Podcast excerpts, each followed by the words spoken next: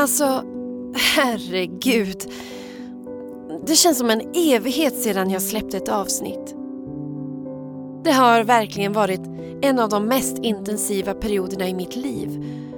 Så under de senaste fem månaderna har jag bollat, ja, säkert ett tiotal stora och små kreativa projekt samtidigt som det har hänt så himla mycket.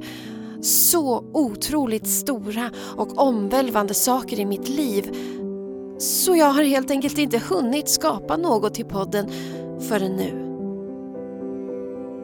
Men jag har faktiskt sett fram emot att få fortsätta mitt ideella arbete med att sprida kunskap om de viktiga ämnena psykiskt och emotionellt våld, eller det jag kallar missbehandel. Det är ju ändå ständigt lika aktuellt. Och även om det finns betydligt fler källor till kunskap på svenska om allt detta idag än när jag startade podden, så är det så fint att veta att just jag kan bidra med att göra kunskapen både tydligare och lite mer levande med hjälp av min konstnärlighet och kreativitet. Men det är pollensäsong och jag är lite allergisk. Så i det här avsnittet får ni hålla till godo med min lite mer raspliga röst än normalt. Samtidigt börjar vi nu närma oss slutet av den här podden. Efter det här avsnittet är det faktiskt bara ett enda avsnitt kvar av epilogen. Det känns både lite sorgligt och fint. För jag har inte bara lämnat min egen epilog utan jag har lämnat hela den långa labyrintliknande läkningsprocessen. Visst läker jag fortfarande mina själasår men inte på ett akut och fokuserat sätt. Utan jag läker snarare numera genom att välkomna livet. Och är det något jag verkligen har gjort under de fem månaderna som har gått av detta år så är det just att välkomna livet och faktiskt även kärleken.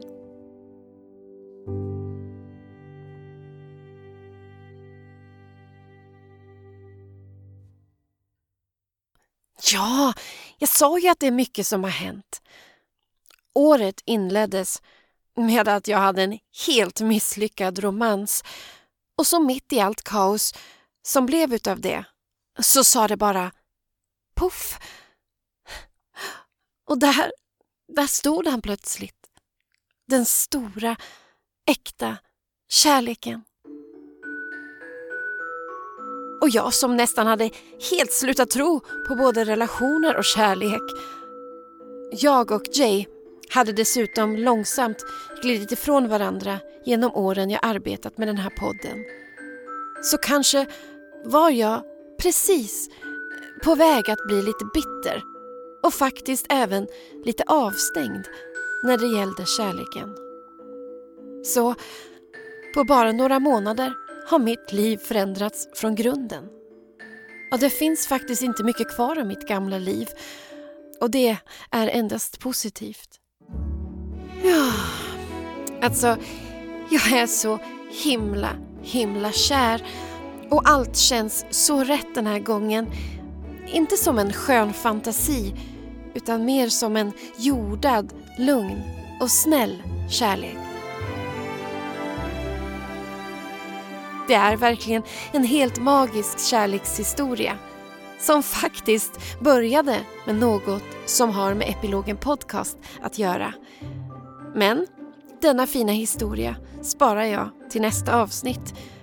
Det allra sista avsnittet av den här podden. Däremot kan jag ju avslöja att min stora kärlek heter Joakim Wilson och är både skapare och rösten bakom den populära litterära skräckpodden Sömnlöspodden. Den är helt fantastisk, så kolla gärna in den på Spotify. Och i några av de senaste avsnitten kan ni även höra mig i några roller. Men hur som helst, nu ska vi äntligen ta oss an ämnet för just det här avsnittet, som lustigt nog inte ens har börjat än. Du lyssnar på Epilogen Podcast. Jag är Mia Makila och det här är Att växa upp med missbehandel. Trots mina tre långa avsnitt om familjerelaterad narcissism samt Siris epilog Min narcissistiska mamma och Marias epilog Glömma och förlåta som alla släpptes under 2021 så är det just detta tema som jag får mest önskemål kring. Det finns uppenbarligen behov av att gå tillbaka till familjerelaterad narcissism för att undersöka hur det känns att växa upp med missbehandel och vilka konsekvenser det kan få genom livet. Så jag har samlat in nya berättelser från tre kvinnor om just detta med att växa upp med en eller två narcissistiska föräldrar och hur en skadlig familjedynamik påverkar både hälsa, själ och relationer genom livet. Först kommer vi få höra Kristins epilog, Det känsliga barnet. Därefter får vi ta del av psykologen Elsas kunskap och tankar. Och på slutet kommer Kim att ge en lista på bra råd för dig som har valt eller står inför valet att kanske behöva bryta kontakten med en narcissistisk förälder. Om du tycker avsnittet blir för långt och matigt så går det självklart bra att pausa och smälta innehållet lite för att sedan återvända för att fortsätta lyssna. Både Kristin och Elsa heter egentligen något annat men det är ju känsligt att prata om just familjerelaterad narcissism. Och kanske är det just därför som det inte går att avgöra om det här är ett vanligt problem eller inte.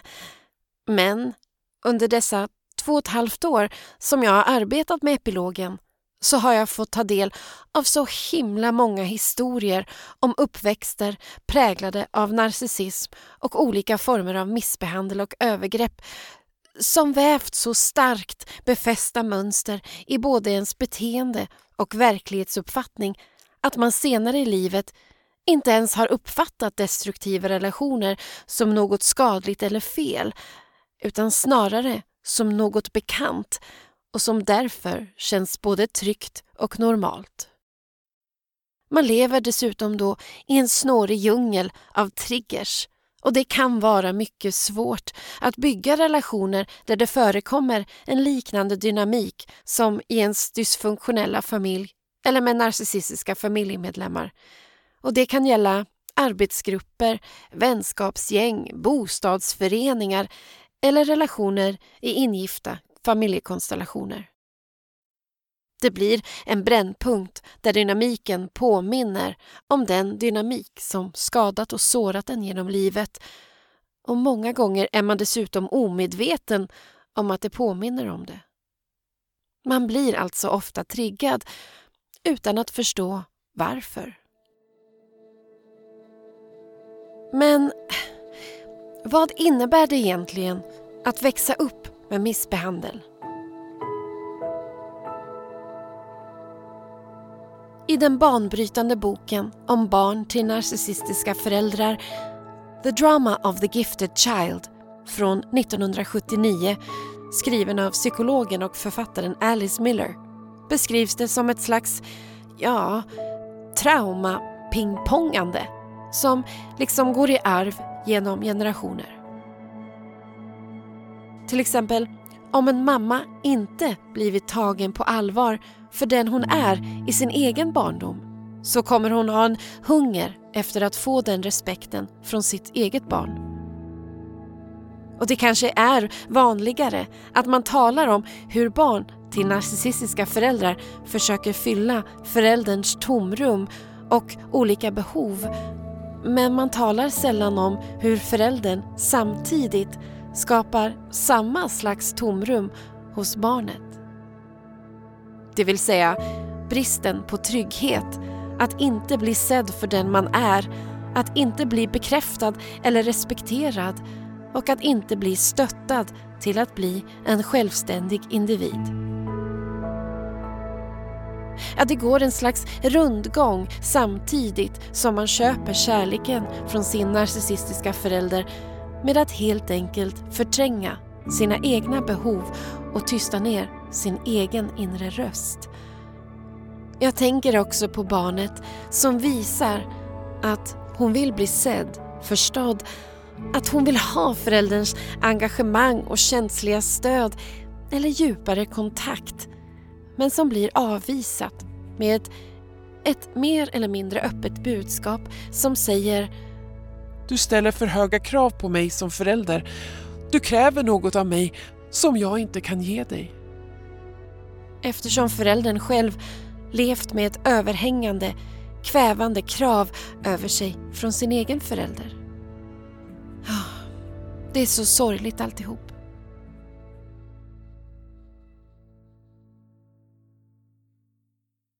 Om barnet tjänar ett syfte för föräldern, att fylla en funktion eller ett behov, så skapas helt enkelt förutsättningar för ett narcissistiskt föräldraskap.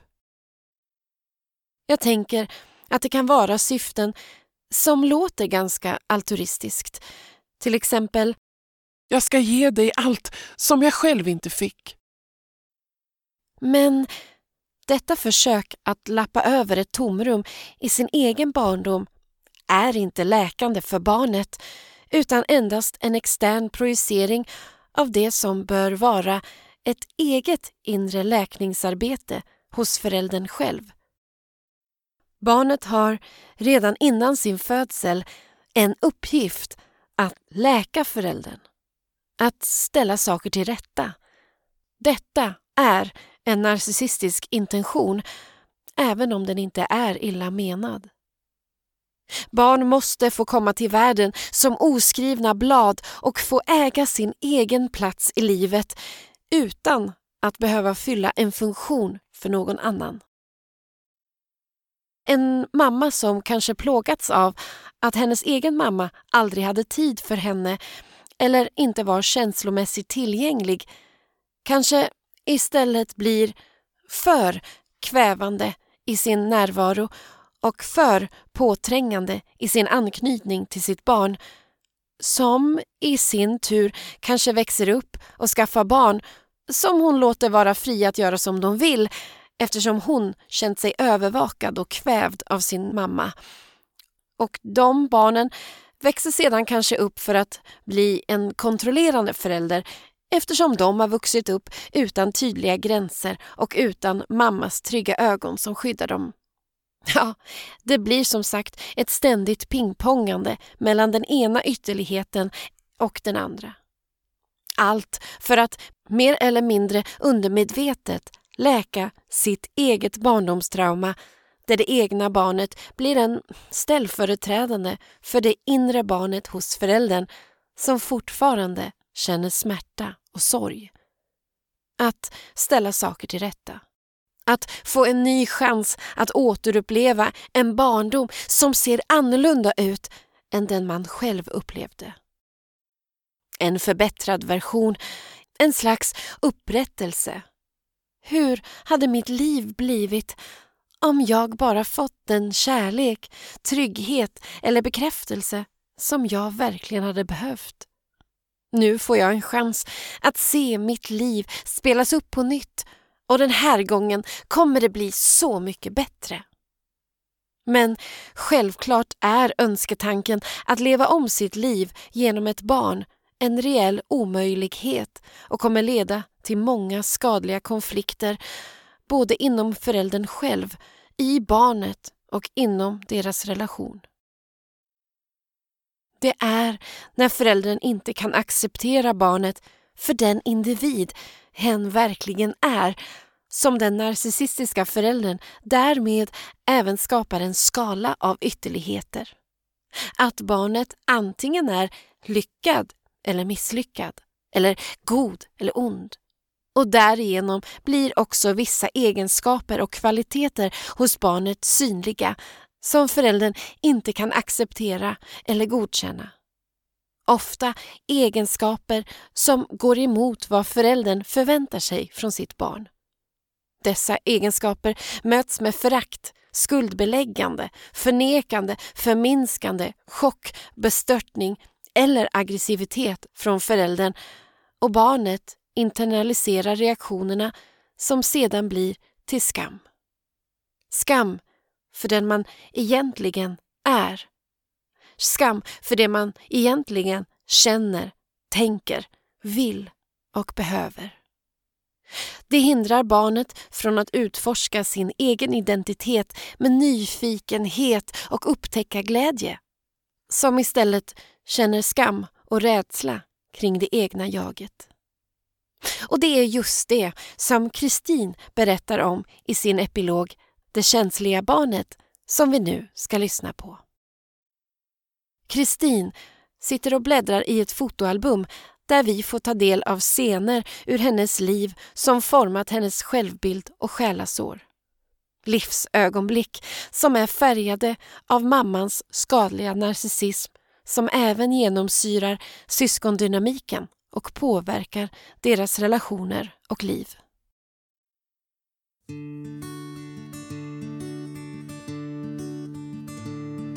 Titeln på min epilog, Det känsliga barnet, är något som jag ser som början av mitt liv men också nu under pågående läkningsprocess från min mamma Åsa. Mer om varför jag ser det så kommer ni få veta under tiden jag berättar min historia, min sanning, som ingen kan ta ifrån mig, inte ens mina systrar längre. Min sanning tillhör bara Kristin, alltså mig. Stämpeln som det så kallade känsliga barnet fick min mamma höra av mina fritidspedagoger redan när jag gick på dagis. Vilket hon också valde att plantera in likt ett frö i hela mig som person. Det var även något hon pratade om under större delen av hela min uppväxt. Så som hon planterade in känslan av att jag var ett känsligt barn var det också något jag till slut blev. Trots att hon från början inte ens höll med fritidspedagogerna. En gång försökte en pojke på dagis att strypa mig. Och ofta slet de andra barnen i mina kläder, även fast jag inte ville det. Tydligen var det aldrig något fel på dem. Det var jag som var problemet. Det var jag som var känslig. När jag var fem år gammal skilde sig mina föräldrar Åsa och pappa Tobias. Precis i samband med skolstarten. Vi åkte på vår första och sista utlandsresa som kärnfamilj precis innan. Men jag kunde ändå känna att något låg i luften. Det finns bilder kvar från just den resan i mitt gula fotoalbum med Musse Pigg på. När jag bläddrar i det fotoalbumet och ser bilden på den där lilla flickan sittandes med ett stort leende i sin morbror Bengts knä kan jag inte riktigt förstå hur saker och ting kunde bli så här. Så som det till slut blev. I juli 2021. Just denna juli 2021, då 24 år gammal, vaknade jag upp med den absolut värsta tänkbara ångesten jag någonsin känt i mitt liv. Då hos samma morbror Bengt och hans fru Ylva. Jag hade inte ätit mer än en banan de senaste två dagarna. Varför jag vaknade upp där kommer jag komma tillbaka till och varför just den dagen var startskottet för min nuvarande läkningsprocess. Men för att förklara varför jag hamnade där behöver jag börja från början.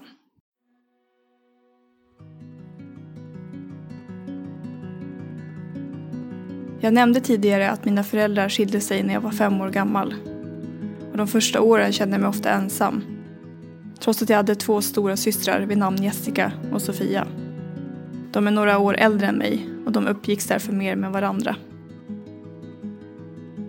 Mamma träffade tidigt en ny man vid namn Nils.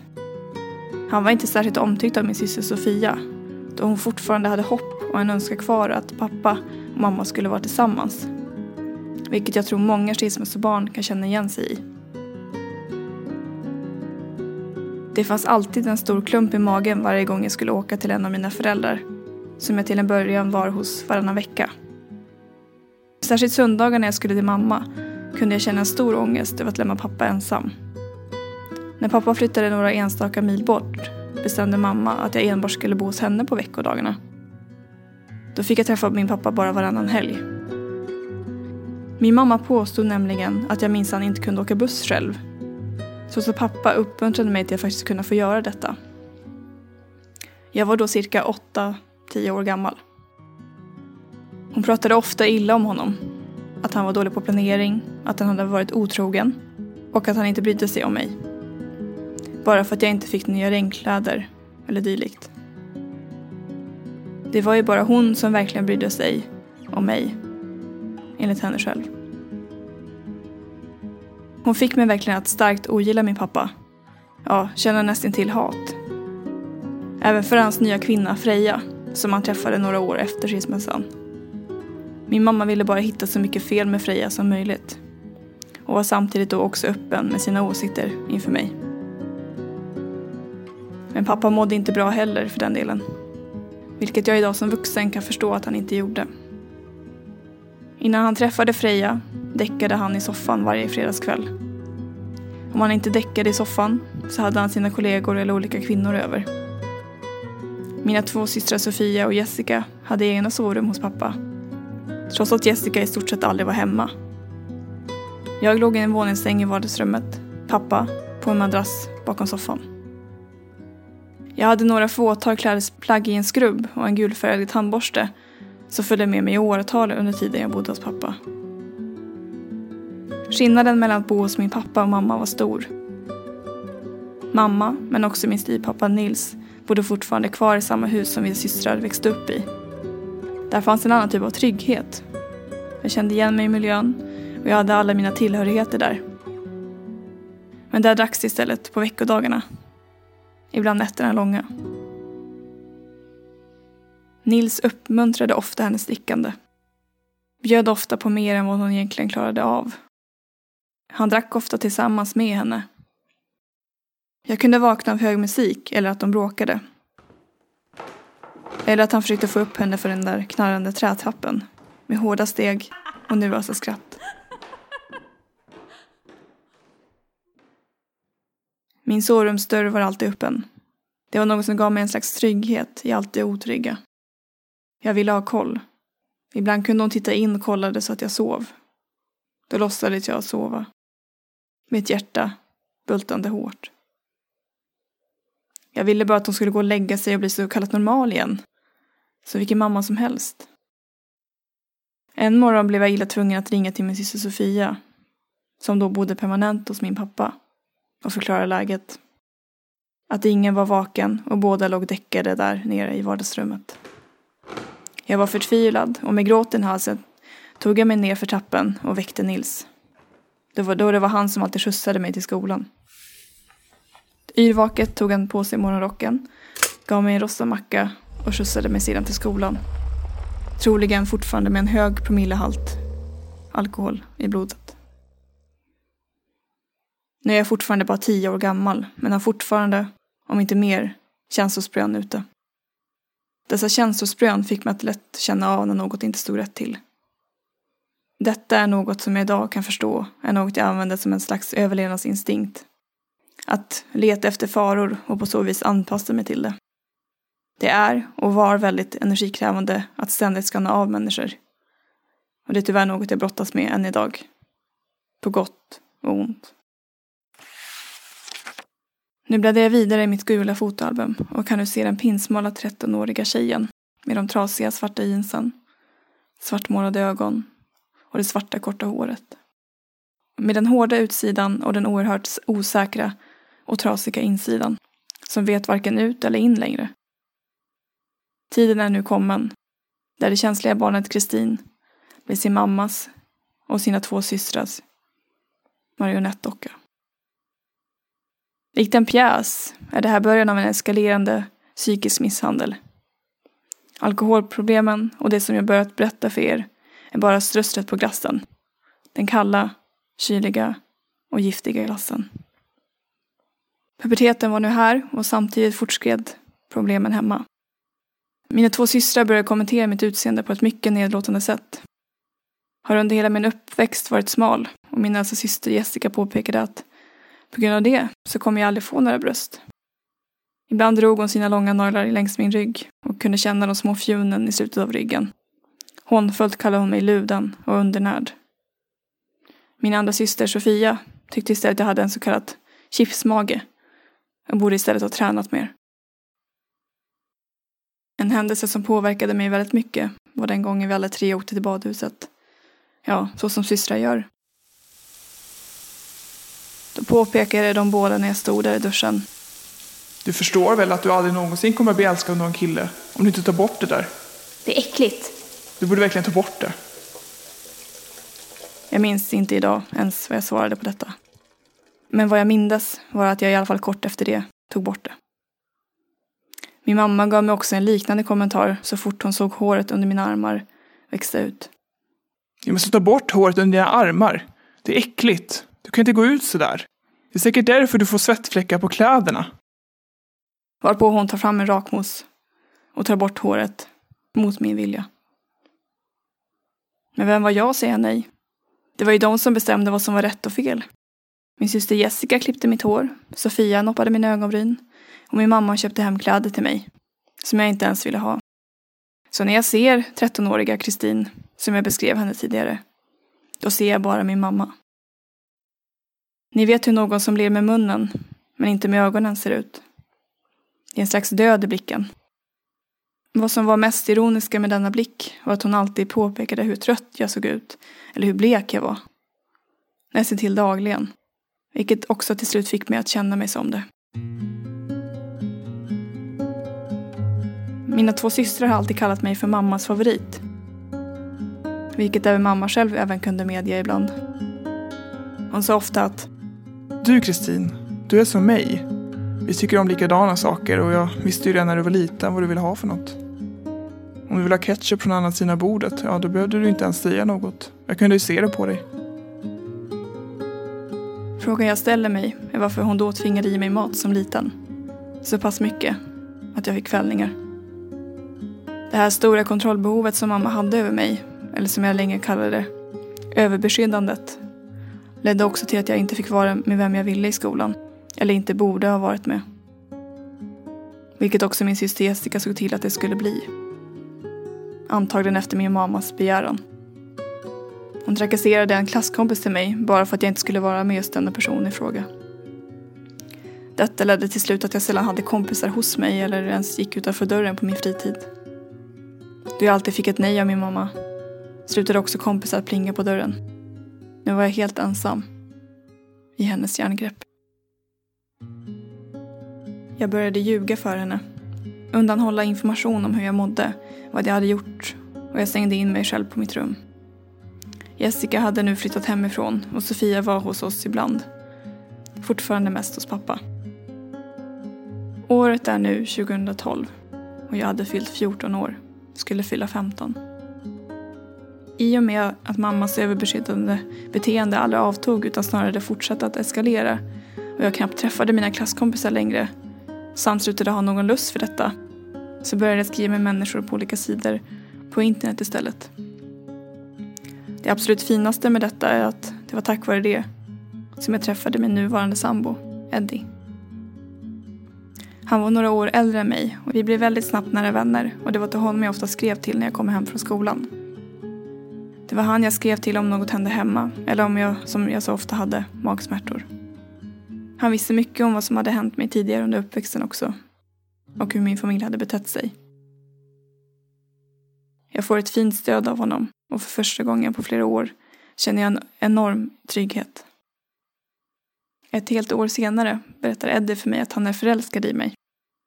Jag trodde först inte på honom och det skulle ta cirka två månader innan jag kunde släppa ner garden för honom och låta honom komma in. Innanför det bräckliga skalet av självhat och tillitsproblem.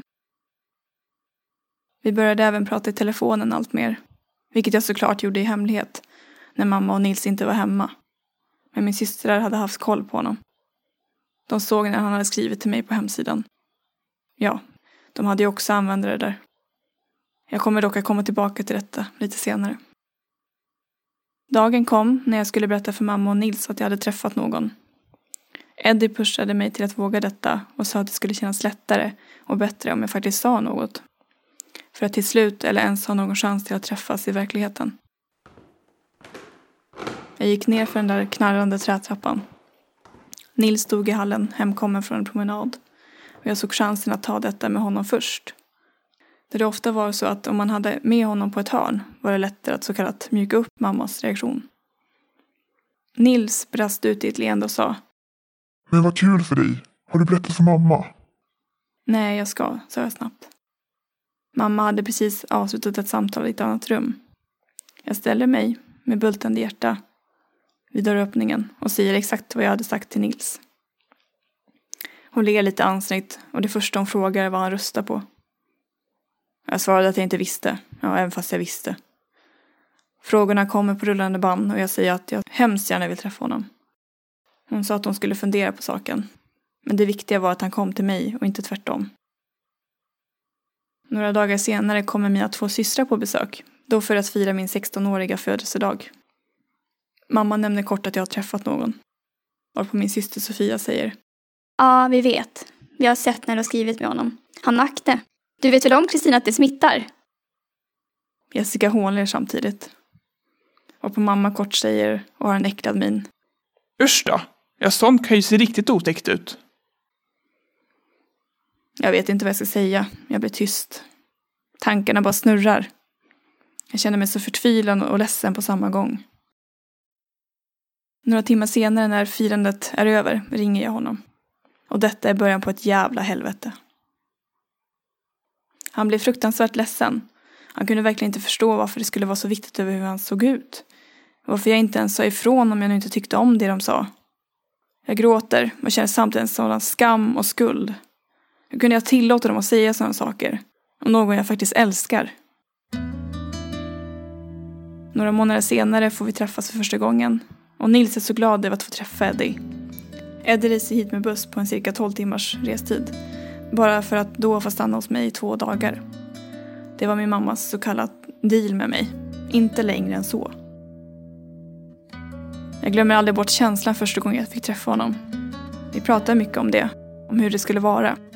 Jag berättade för honom att jag var rädd att jag inte skulle tycka om att vara nära. Att det lätt rycker till om man rör mig. Ja, det är också en av alla saker mamma lärde mig att inte tycka om. Vi gillar inte närhet, Kristin. Jag fick därför sällan fysisk närhet av min mamma.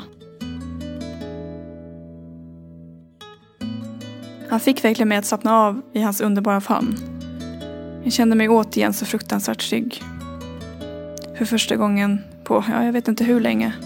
Det var bara som att något släppte. Vi promenerar hem till mig från busstationen och Nils möter upp oss hemma. Nils och Edde verkar komma bra överens och de skrattar mycket. Min mamma kommer ner efter en stund då hon jobbat natt och behövde sova ut. Tänker då att en mörk skugga lägger sig över hela situationen. Hon går ner för den där knarrande trätappan. Och mamma hälsar ansträngt till Eddie. Frågar hur resan har gått. Varpå hon vänder sig mot mig och säger. Och varför är du så uppklädd? Du brukar väl ändå inte ha kjol på dig? Vad försöker du göra dig fin inför? Jag, li lika tyst som under min 16-årsdag. Men nu med lite mer kraft. Jag, gillar kjolar. Varpå Eddie säger instämmande. Ja, Jag tycker det är jättefint på dig. De två dagarna går och jag lämnar av honom på samma busstation. Nu med söndergråtna ögon och fruktansvärd ångest. Jag ville bara följa med honom. Lämna allting. Flytta hemifrån. Göra just det jag ville. Men jag hade tre år kvar dit. Så fort han hade åkt hem kom frågorna och påståendena från min familj. Ja, framförallt från min mamma. Han har förändrat dig. Varför gjorde du det till? Varför klädde du dig sådär? Varför hjälpte han dig med väskan? Kunde inte du tagit den själv eller? Varför? Varför? Varför? Varför? Varför? Nu bläddrar jag vidare igen i mitt gula fotoalbum och ser 17-åriga Kristin som går på gymnasiet. Nu med klänningar varje dag, dock med det där svarta håret kvar, men nu i en pannlugg som hon själv valt. Den svarta eyelinern runt ögonen är borta. Den döda blicken i ögonen börjar avta allt mer. Men magproblemen eskalerar och det leder till att jag nu går på toaletten cirka sex gånger per dag under flera veckors tid. Varken mamma eller Nils tror på att jag har ont. Att det är något som kommer gå över och att det inte är så farligt. Men jag står upp för mig själv och undersöker mig hos läkare och utreds under ett års tid. Ingenting hittas, förutom förhöjda kortisolvärden. De frågar mig om jag känner mig stressad eller inte mår bra. Jag förnekar detta och jag vill ha ännu mer utredning. Men idag kan jag förstå vilken stress min kropp hade varit och var med om under den tiden. Medan jag sitter och skriver på denna epilog så upptäcker jag av ren slump gamla mejl till min kurator under gymnasietiden. Jag vill därför nu citera tre texter som jag skrivit som verkligen sätter ord på mycket av det jag fick uppleva, även efter jag träffade Eddie. Här kommer de. Hej! Var sjukt ledsen den dagen på grund av att min styvpappa åt ur soporna för jag hade slängt mat. Samtidigt som jag mådde illa och allt. Men jag mår bättre nu. Så vi kan strunta i att ses om du har många som vill ha tid hos dig. Det enda som betyder något i hennes liv är sin egen karriär, att hon mår bra, sina kläder och sina egna fruktansvärda åsikter. Hon äcklar mig. Jag var hos Eddies mamma i åtta dagar. Under de åtta dagarna har hon brytt sig mer än vad mamma har gjort under hela min tonårsperiod. Jag känner mig inte tillräcklig här hemma. Jag känner mig som ett spöke i en främlingshus. Jag finns inte här. På nyårsafton skulle vi smälta tenn ovanför en fotogenlampa som tradition. Mamma var otroligt onykter och min syster Sofias man blev sniffad på som om det vore mammas egna man. Jag vänder mig mot mamma och tittar mot henne och hon säger mot Sofias man. Ser du hon tittar? Och skrattar ironiskt. Under tiden så fortsätter jag smälta mitt tenn och jag vill egentligen bara därifrån. När jag minst anar det så känner jag en hård stöttning från mamma. Hon använder hela sin hand och puttar mig på armen så att jag nästan tappar greppet om skeden, fylld av het tenn. Då ser jag till henne på skarpen. Vad gör du? Så där gör man inte. Hon vinglade till och gick tillbaka till soffan surt. Jag kände oerhört stark ångest efter detta och gör det fortfarande några dagar senare. Även Eddie reagerade starkt på detta. Jag är rädd för min egen mamma.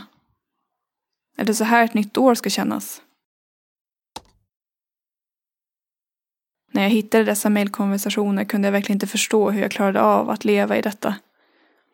Att växa upp i en familj med människor som ofta pendlade mellan kärleksfullt beteende och ett beteende som är svårt att ens ta i mun.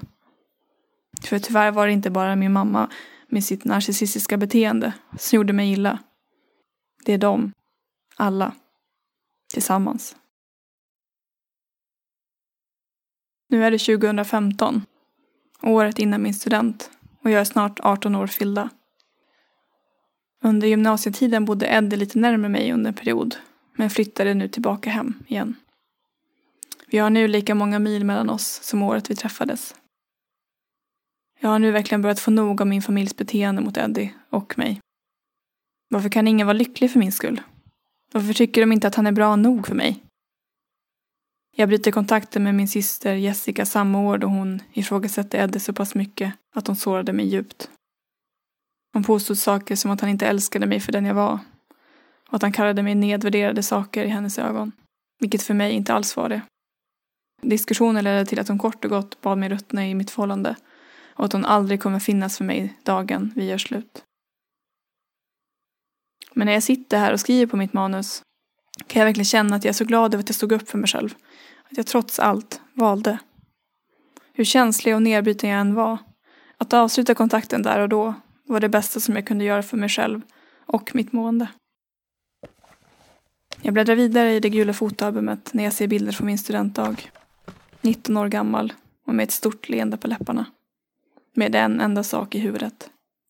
Imorgon flyttar du hemifrån tillsammans med Eddie. Och ingen kan stoppa dig längre. Trodde jag. Även fast man fysiskt flyttat sig från den plats och de människor som gjort och gör det illa så slutar de inte finnas i dina tankar eller slutar kontrollera vad du gör eller inte gör. De finns fortfarande kvar där. Likt en hackspett, hackandes in i hjärnan på dig. Det ska ta dig fem år till innan du säger helt stopp och påbörjar din läkningsprocess. Så som du är i nu, 25 år gammal, snart 26 år fyllda. Under de nu sju åren som du bott hemifrån har det alltid varit du som hälsat på din familj. Din mamma har hälsat på dig fyra gånger, din pappa tre gånger och din syster Sofia en gång. Också troligen För sista gången. Syster Jessica har du inte pratat med på åtta år. Om än du försökte för snart tre år sedan att få något slags förlåt. Såklart utan framgång.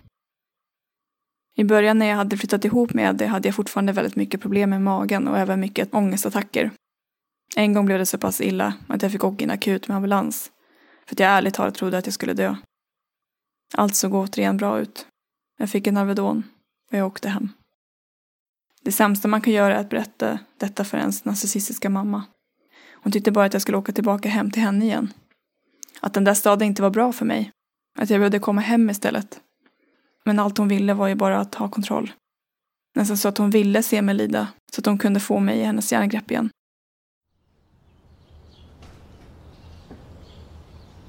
Varje sommar åkte jag till min familj och använde säkert upp majoriteten av mina semesterdagar bara för att besöka dem. För att sedan komma tillbaka hem igen, tömd av energi. För att sedan döva tröttheten med att då istället jobba konstant. Detta blev ohållbart och Eddie ifrågasatte ofta varför jag behövde vara där så länge. När de inte visade något intresse i att ens besöka mig. när de väl besökte oss var det korta besök, ofta bara några timmar, för att sedan åka hem igen. Jag förstod inte riktigt. Jag hade ju alltid gjort så, lagt andras behov framför mina egna. Men jag började sakta men säkert förstå att det funkar ju inte. Jag var rädd för att till slut gå in i väggen. Samtidigt som jag hade en väldigt hög arbetsbelastning på jobbet jag hade. Det gick så långt att jag till slut fick en stressutlöst migränattack. Läkaren på akuten tyckte jag skulle ta några dagar ledigt. Min dåvarande chef påstod att läkaren hade ljugit eller inte hade kompetens nog. Jag förstörde ju för mina kollegor. Det var mitt fel att de nu hade en hög arbetsbelastning. Ja, jag kände att nu orkar jag inte mer. Samma dag som jag hade besökt akuten hör ett företag av sig och vill att jag ska komma på intervju. Jag får jobbet och säger snabbt upp mig. Ett år senare flyttar vi till en annan ort lite längre bort, men ändå nära nog för att kunna pendla till jobbet. Jag börjar må lite bättre, gradvis, med tidens gång. Cirka två år senare är vi där jag beskrev min början av denna epilog. Juli 2021.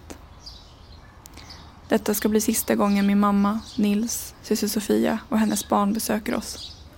De skulle stanna hos oss i fem dagar, men det slutade med tre dagar. Minnena från dessa tre dagar är spretiga, smärtsamma och så svåra att förklara. Det starkaste minnet är från dagen efter den hemska händelsen.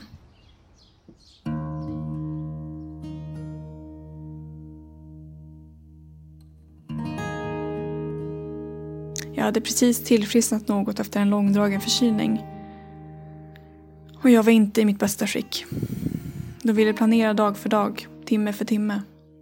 Medan jag egentligen bara ville ta det lugnt. Jag var så trött. Men allt skulle planeras, ifrågasättas. Inte en lugn stund. Eddie tog bilen till en affär för att köpa fläkt då de klagade mycket över värmen i vårt hus. I samma stund som han åkte iväg frågade min mamma och syster om vad planen för dagen är. Jag svarade kort att jag inte visste och behövde fundera. De frågade efter några få minuter igen om jag tänkt färdigt. Eller om det var så att Eddie behövde komma med hem för att jag skulle veta. Eddie blev allt mer stressad av allt planerande, inkluderat jag själv. Vem är de att komma hit och bestämma vad som ska göras eller inte? Det är ju inte deras hem. En morgon vaknade vi upp och jag känner det på morgonen att Eddie inte mår bra överhuvudtaget. Han är less på att de är här och det är så mycket falskhet från deras sida. Efter alla dessa år av skitsnack och nu plötsligt låtsas de som ingenting. Han mår också dåligt över att se hur jag, fast jag egentligen inte orkar, ställer upp och gör alla dessa inplanerade saker. Jag var fortfarande krasslig. Och om jag skulle se att jag inte orkade, vilket jag också gjorde, skulle detta också ifrågasättas. Eddie säger inte mycket den dagen. Han pratar mest med mig, lite grann med Nils. Det blir kväll och vi är ute och äter allihopa. Jag börjar bli orolig över Eddies mående och frågar vad som är på tok. Jag frågar, även fast jag vet svaret. Vi kommer hem. Min syster nattar sitt barn. Eh, Nils är på väg ut på en promenad. Och min mamma vilar på övervåningen. Jag säger till Ed att vi kan prata. Vi går ut på verandan och sätter oss. Han är upprörd, pratar snabbt och högt. Han förstår inte hur de bara kan låtsas hela tiden. Hur allt bara kan vara så kallat bra nu, efter alla dessa år. Jag försöker lugna ner honom och han vill ta en tur med bilen istället. Han orkar inte vara i samma rum som dem längre. När han väl försöker slita sig ifrån mitt grepp för att dra till bilen kommer min syster Sofia utspringandes till verandan och ropar upprört. Och vad hände här? Jag försöker förklara att Eddie inte mår bra.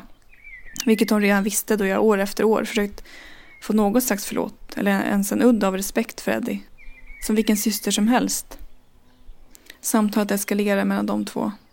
Då hon fortsatt påstår att akne visst smittar. Då det var detta jag tog upp för henne i första hand, där och då. Det blir fortsatt heta diskussioner om vad som sagts och inte sagts. Hon tycker så som Jessica beskrivit. Att jag inte skulle ha blivit kallad lilla gumman. Då det är kränkande mot oss kvinnor. Något jag själv aldrig störts av. Eddie blir allt mer upprörd eh, när fler saker kommer upp till ytan. Tänk dig alla dessa åren. År av samlad vrede, förnedring och frustration. Som nu väller ut, likt ett vulkanutbrott. Både från mig och Eddie. Vi har aldrig fått prata om detta. Aldrig fått någon förståelse eller respekt överhuvudtaget.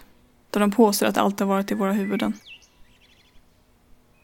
Det är vi som är kvar i det förgångna när vi ett flertal gånger försökt påtala deras beteenden. Men hur ska man kunna förlåta och gå vidare om ingen ens haft någon vilja att ta en relation med min livskärlek sedan tio år tillbaka nu? Sofia blir upprörd. Eddie är nära till tårar och kokar av ilska och jag gråter hysteriskt. Hon uppmanar mig nu att lämna honom. Mitt framför ögonen på honom. Nu Kristin, nu ser du vad jag varnar dig för. Att han inte alls är bra för dig. Han kallar din syster för elaka saker. Din mamma också. Tycker du att det är okej? Okay? Låt henne prata säger jag! Var tyst Eddie! Jag är tyst och hulkar av all gråt. Mamma kommer ner för trappen vettskrämd. Hon är bara tyst, medan det skriks glåpord härs och tvärs. Samtidigt som jag frågar henne varför hon inte ens säger något. Varför hon inte ens har något att säga. Hon vänder sig iskallt mot mig. Vänta tills du själv får tre barn och alla vill olika. Jag förstår absolut ingenting. Ed orkar inte vara kvar i huset längre och han ber dem packa sina väskor och dra därifrån. Nils kommer i samma veva inspringandes efter sin promenad. Chockad frågar han vad det är som händer. Eddie säger snabbt. Fråga din fru Åsa. Samtidigt ser jag mamma och Sofia ståendes ute på gräsmattan där de pratar i telefonen med min pappa. Ja, vilket jag inte visste där och då. Det, det är något jag får veta först dagen efter. Sofia gråter och mamma kollar tröttsamt mot fönstret där jag står. Eh, Eddie säger snabbt att han inte orkar vara kvar längre, så länge som de packar. Han springer mot bilen medan jag barfota springer efter honom och bankar på bilen. Nils kommer efter och får upp fördörren. Eddie gråter hysteriskt. Jag låter honom inte åka. Du lämnar inte mig, säger jag. Mamma och Sofia har nu packat alla sina saker och står där med mitt syskonbarn och tittar nu på mig och Eddie som står vid bilen lite längre bort tillsammans med Nils. Nils hoppas fortfarande kunna lösa detta. Men mamma ropar nu honom till sig. Jag frågar Nils snabbt om han inte skulle kunna tänka sig att stanna här i natt. Ja, om ni båda vill så gör jag det. Jag står där barfota i den gömna sommarkvällen och känner att jag orkar inte välja nu. Även fast jag visste innerst inne att den här dagen skulle komma. Under år av lidande går det inte längre.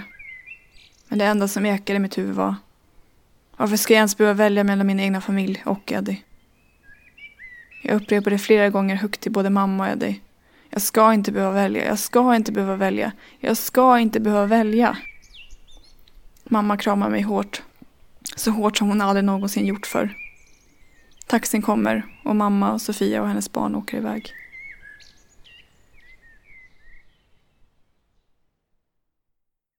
Hela natten går åt att prata med Nils om händelsen i sig, men även hur de tidigare åren har präglats och upplevts av både mig och Eddie. Vi tror nu att Nils äntligen lyssnar och att han förstår Eddies situation samt reaktion. Men vi hade fel. Dagen efter ringer Nils till min mamma och vi bestämmer oss för att träffas på en restaurang för att ta något att äta. Eddie åker till jobbet. Under tiden som vi går till den där restaurangen är jag tyst. Jag orkar egentligen inte träffa dem. Men det här är nog sista gången jag får träffa mitt systers barn. Det här är sista chansen. Jag har ingen som helst aptit på den där restaurangen. Alla ser trötta ut och jag har söndergråtna ögon. Vi beställer in mat och jag blir allt mer illamående. Mamma börjar fråga försiktigt hur jag mår. Ja, när hörde man den frågan sist, tänker jag. Jag tittar bort och tårarna bara rinner. Jag är så frustrerad. Det jag under flera år försökt upprätthålla, det går inte längre. Min syster ställer frågan.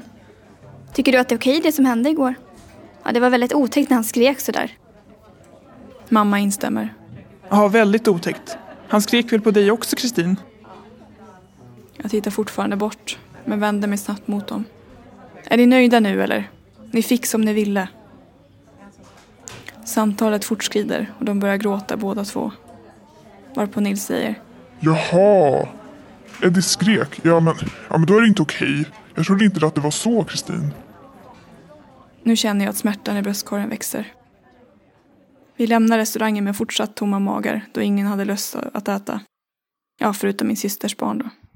Jag åt för glatta livet, ovetandes. Jag kör Nils till hotellet och de andra tar sin hyrbil. Vi kom dit lite innan dem och står utanför hotellet och väntar. Jag märker på Nils att han inte är sig själv riktigt. Han verkar irriterad på mig, besviken. Varför sa du inte till din mamma hur du kände då? Sedan så trodde jag inte att det var på det här viset. Att de skrek på dig. Jag suckade. Och vad jag minns så kände jag bara hopplöshet där och då. Ingen kommer vilja lyssna på mig ändå. Det är bestämt nu. Vi går alla ihop upp till hotellrummet och det blir tyst. De försöker upprätthålla god min inför min systers barn. Men så snart som hon blir upptagen av annat kommer utfrågningarna och de falska påståendena. Har han skrikit på dig många gånger? Ja, hur ska du göra nu då? Ska du lämna honom? Ja, för så här kan du inte ha det. Du låter som de där kvinnorna som inte vill lämna sina män som slår dem. Nils säger också att han trodde att han behövde stanna kvar under natten för att jag var rädd för Eddie. Ju mer jag får höra detta, ju mer börjar jag nästan tro deras ord. Även fast jag vet att det de säger inte är sant. Mitt i allt lämnar de hotellrummet för att gå och spa och lämnar mig nu ensam. Så fort dörren stängs skriver jag till min morbrors fru Ylva att det är något som har hänt. Hon ringer upp kort efter och jag berättar allt vad som har hänt. Hur otroligt ledsen jag är. Att jag vill ju faktiskt vara med Eddie. Hon lyssnar och säger att det är bara jag som vet hur jag ska göra. Jag säger att jag fått i mig en banan och jag vet inte ens om jag kommer klara av att gå till jobbet imorgon.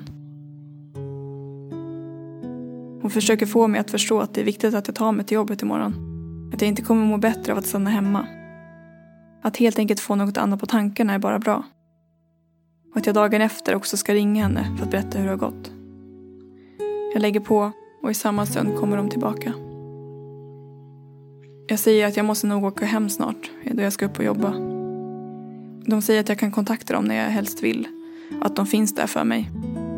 Vilket känns oerhört osmakligt. Jag kramar min syster och hennes barn hejdå. Min syster darrar av gråt.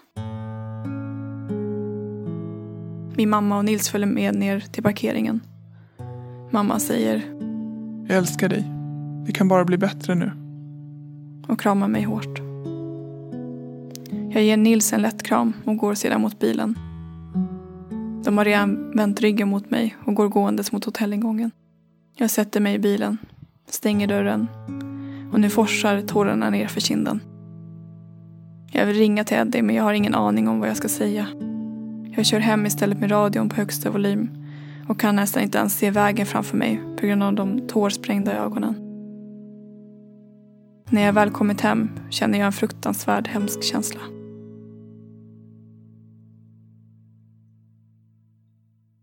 Jag ser gårdagen uppspelandes framför mig i varje vrå av vårt vardagsrum. Jag ser matresterna i kylen som vi ätit av. Jag ser min systers barns godis i skafferiet. Det är nu över. Jag ringer till Eddie medan jag sitter i fåtöljen i vardagsrummet. Jag säger att jag inte orkar prata om det som hänt, vad de har sagt eller inte sagt. Han frågar oroat om jag är arg på honom. Jag säger att jag bara är trött. Vi lägger på och jag går och lägger mig. Dagen efter vaknar jag upp likt den värsta baksmällan du kan tänka dig. Men har inte druckit en enda droppe. Jag känner mig yr och kan fortfarande inte äta något. Jag skriver till min morbrors fru, Ylva igen, att jag fortfarande inte kunnat äta. Hon tycker inte att det låter bra. På eftermiddagen under mitt arbetspass ringer min morbror upp mig och tycker att jag borde åka till dem. Jag kan ju inte ta hand om mig själv, påpekar han. Jag gråter i luren och säger, men jag vill inte lämna Eddie ensam. Han mår inte heller bra. Min morbror säger bestämt. Men nu handlar detta om dig i första hand. När du kommer hem ska du packa en väska så kommer vi och hämtar dig. Jag känner inte igen mig själv och har blivit osäker på vad jag ens vill. Deras ord från gårdagen ekar i mitt huvud. På grund av detta leder det också till att jag inte berättar för Eddie att jag kommer att åka samma kväll till min morbror och hans fru. Detta resulterar även i att jag berättar det för honom först när vi kommit halvvägs dit. Han blir oerhört ledsen och förtvivlad över att jag inte berättade för honom. Han kan verkligen inte förstå varför jag inte sa något. Morgonen efter. Nu är vi där, som jag nämnde för er i början av min epilog. Startskottet på läkningsprocessen från min narcissistiska mamma. Jag vaknar upp med den absolut värsta tänkbara ångesten. Jag vet inte hur många timmar jag har sovit. Klockan är närmare ett. Ylva kommer upp från trappan. Tätt inpå är min morbror. De kommer in i rummet och Ylva drar sin hand genom mitt hår. Hon frågar om jag sovit gott. Jag känner mig instängd och tankarna bara flyger fram och tillbaka. Jag orkar inte svara. Hon tittar på mig och frågar. Vad tänker du på, Kristin? Jag säger med gråten i halsen. Allt. Ja, detta är så jobbigt. I samma stund ringer min mamma till min morbror Bengt. Han går snabbt till ett annat rum och stänger dörren efter sig. Efter samtalets slut kommer han tillbaka till rummet där jag ligger och undrar om jag skulle vilja prata med henne. Hon mår tydligen väldigt dåligt av hela situationen. Jag säger trött. Jag vill inte prata med henne. Dagarna går hos min morbror och jag börjar sakta men säkert komma tillbaka till mig själv igen. Jag börjar äta och efter några dagar har jag orken till att ringa Eddie och förklara läget. Han förstår, men han undrar såklart när jag kommer hem. Jag svarar att jag inte vet för stunden. Efter cirka en vecka åker jag hem. Jag och Eddie pratar ut. Sommaren blir till höst. I oktober månad har jag bokat in mig hos en psykoterapeut. Jag står inte ut med smärtan längre. Är det så här det ska vara nu? Ska jag inte ha en relation med min familj längre? Under vårt första möte säger hon Av det du berättar så är detta väldigt allvarligt. Det du har blivit utsatt för är psykisk misshandel. Och det är inte okej. Det låter även som att din mamma har någon typ av syndrom. Möjligen narcissistisk syndrom. Jag vill tipsa dig om att söka information om detta. Kanske via en podd eller via böcker. Jag går ut från vårdcentralen och sätter mig i bilen. Söker efter narcissism i familjen. Och hittar till Mias fantastiska podd. Epilogen podcast. I varje del av avsnittet är det som att hon bit för bit öppnar upp en del av mig. Lite i taget. Att det inte är jag som är fel. Det är inte jag som är sjuk. Allt är inte bara i mitt huvud.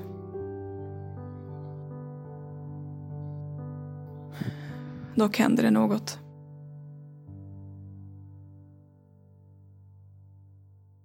Två månader senare, några enstaka dagar kvar till julafton, får jag ett sms från min syster Sofia. Har du tid att prata ikväll?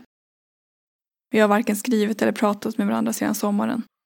Min puls gick upp och jag började kallsvettas och få snabb panik bara av frågan. Jag säger ja. Klockan närmar sig 21 och hon ringer. Hon säger hej och jag lika så.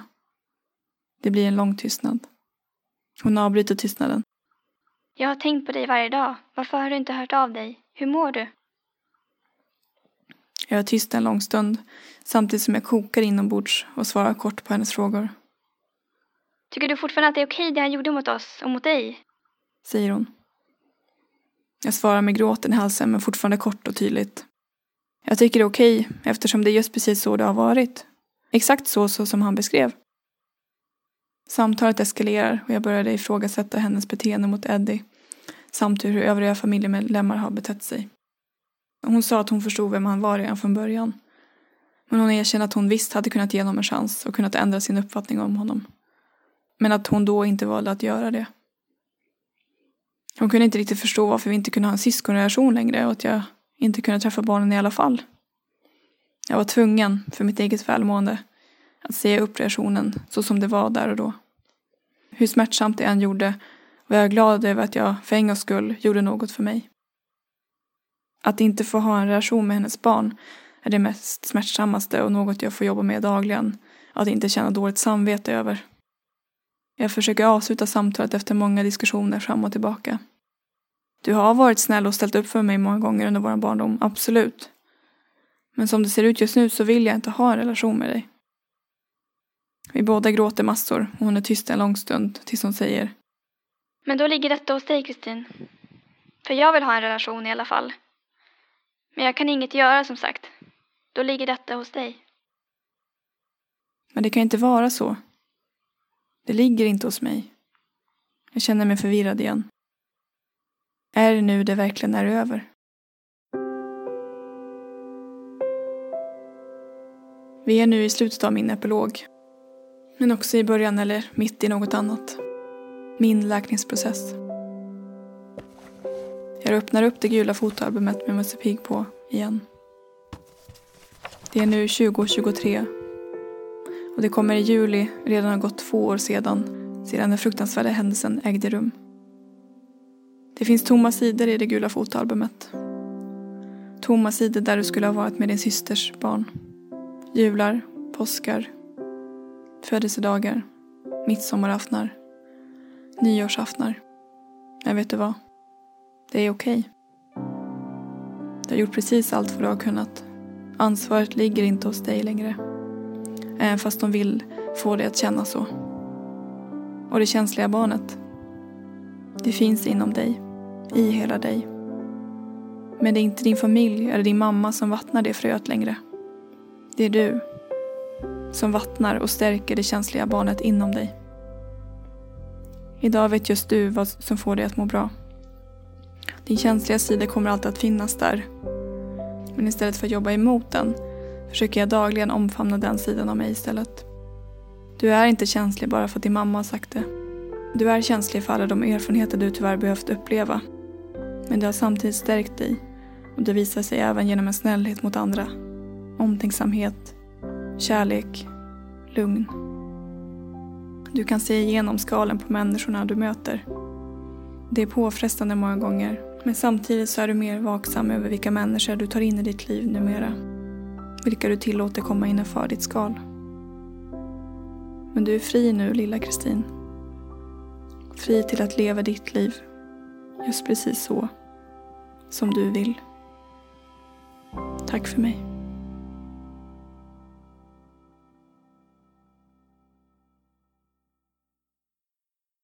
Tusen tack, Kristin. Det är en sådan rörande och ärlig inblick i hur missbehandel i barndomen känns och vad det är som kan göra så ont. Narcissistiska föräldrar använder ofta ens finaste egenskaper mot sina barn när de går emot deras förväntningar eller vilja. Och Vissa av dessa egenskaper har ju barnet till och med utvecklat som skyddsstrategier för att både anpassa sig efter förälderns skadliga krav och förväntningar och för att kunna hantera sin utsatthet utan att gå under. Och som de sedan alltså straffas för av samma person som de skyddar sig mot. Det är både grymt och orättvist. Att som vuxen börja äga sina egenskaper, både styrkor och svagheter, är en viktig del av läkningsprocessen efter man har utsatts för missbehandel i barndomen. Men det är sannerligen inte helt enkelt. Men att först bli medveten om att ens bra eller dåliga egenskaper är en slags anpassning, ett medberoende till förälderns orimliga krav kan vara en mycket smärtsam och omvälvande process. Ens självbild, som har känts så självklar, är inte längre självklar. Och på samma sätt börjar ens verklighetsuppfattning att skifta färg, form och substans.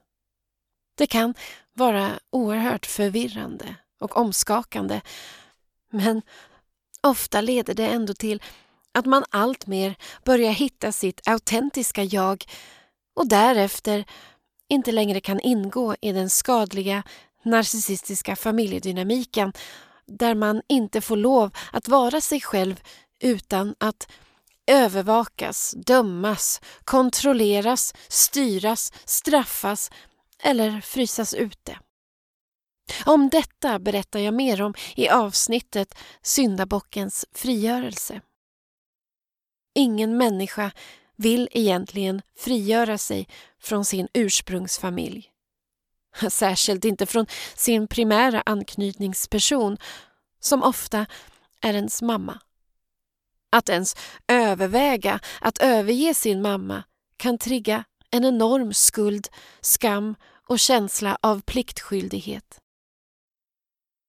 Dessutom lider många vuxna barn till narcissister av svår medberoendeproblematik som gör att de upprepar samma slags ansvarskänsla kring att använda sin känslighet för att förstå hur den ska anpassa sig efter sin förälder och uppoffra sina egna behov, vilja och röst fast nu i andra relationer både i vänskaper på arbetsplatsen och i kärleksrelationer. Men ingen vuxen människa bär ansvaret för en annan vuxen människa som ständigt skadar, sviker och sårar en själv och andra. Den enda vuxna människa man är ansvarig för är sig själv. Ja, ni vet det där med att man måste först ta på sig en livväst för att kunna hjälpa någon annan som håller på att drunkna. Det ligger något i det där. Vi måste helt enkelt sätta vår egen hälsa och säkerhet som prio ett för att ens kunna göra gott i världen. Annars finns det risk att vi gör skada på oss själva samtidigt som vi både tillåter och upprätthåller någon annans skadliga beteendemönster fastän vi tror att vi hjälper till när vi ursäktar, förlåter och tar på oss andras ansvar och stress och så vidare. Och allt det här med att stärka sig själv för att kunna stärka andra är en perfekt ingång till psykologen Elsas bidrag till det här avsnittet. Elsa kommer nu att berätta om hur hon som vuxen hittat sätt att förhålla sig till sina trauman från missbehandeln i barndomen och erfarenheterna av att växa upp med en narcissistisk förälder och hur det har påverkat hennes liv, hälsa och yrkesval.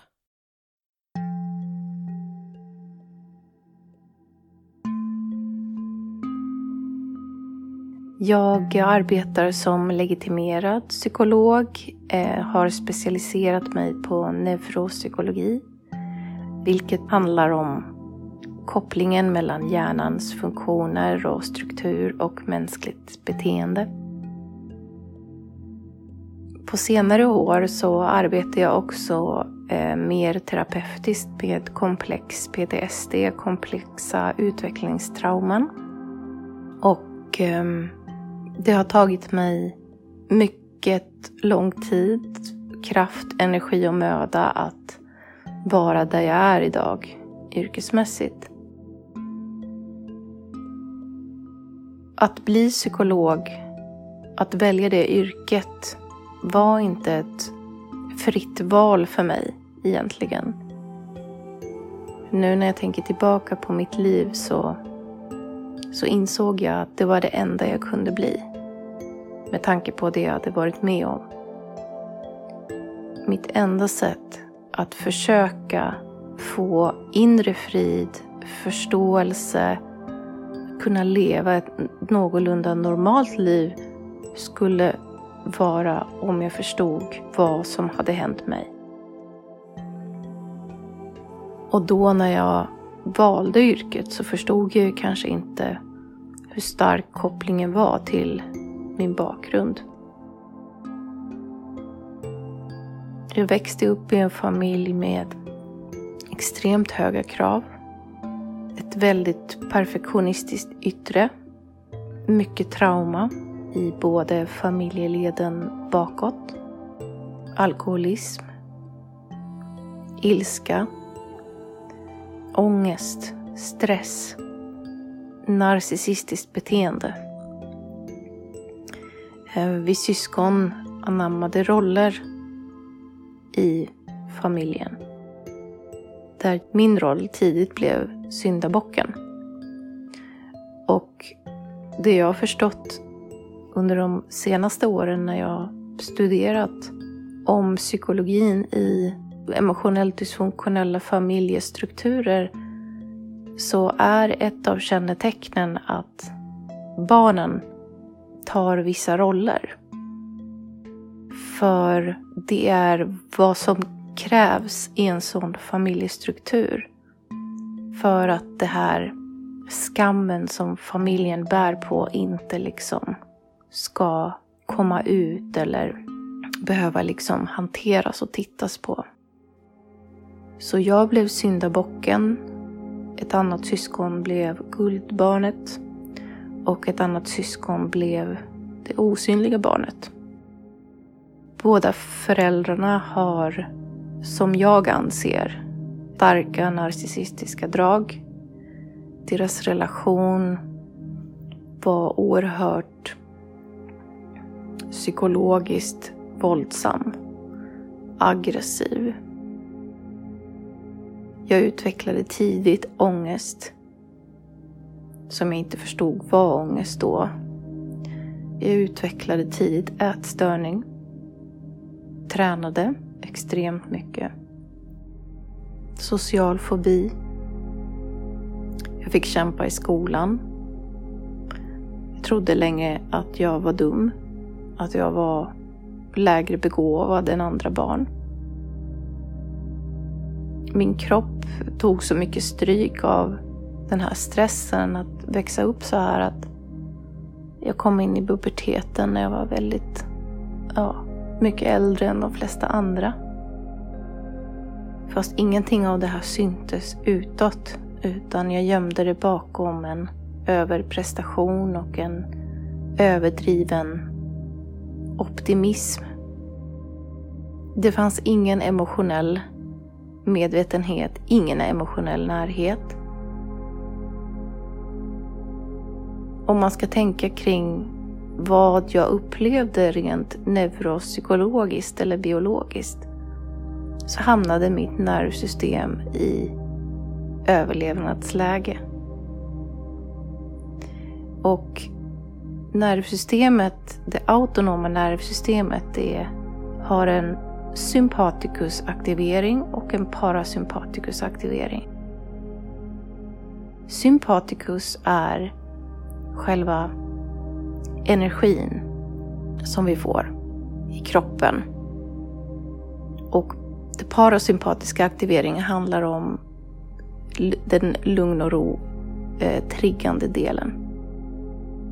Och det här systemet ska ju vara i balans så att våra system, våra hjärnor, våra organ, eh, våra kognitiva funktioner, vår andning, vårt, vårt hjärta, vårt beteende är reglerat och fungerar väl. Det här systemet har satts ur spel på grund av den här enorma stressen. Vi människor är gjorda för social kontakt och trygg anknytning. Och när det inte sker så blir vi stressade. Och när den här stressen sätter sig i nervsystemet så stannar den oftast där och fortsätter. Och så söker kroppen och nervsystemet kontinuerligt hälsa. Den söker balans. Och mitt sätt att söka balansen var genom överdriven träning exempelvis. Och den här regleringen kan ju vara alltså någon slags dysfunktionell reglering. kan ju sen vara att man ja, men dricker alkohol, tar droger, ja, men missbrukar vad som helst i princip. Och det här hade jag ingen aning om. Det här hände mig. Det här har jag bara förstått på senare år. När jag började studera till psykolog så fann jag ganska lite förklaringar för det jag hade varit med om. Det fanns ju hela tiden en sån här liksom underton av att på lite skämtsamt sätt liksom pratade man om och skojade om att psykologer blir ju psykologer för att de själv liksom söker svar på sina egna inre problem. Och det här stämde ju väldigt väl in på mig. Fast jag var nog inte så trygg eller medveten om det då. Det var ju också en skam kring det. Och jag tror att det är en sån där skam som många psykologer inte vill kännas vid riktigt. Men jag fick ganska lite svar um, på vad jag hade varit med om.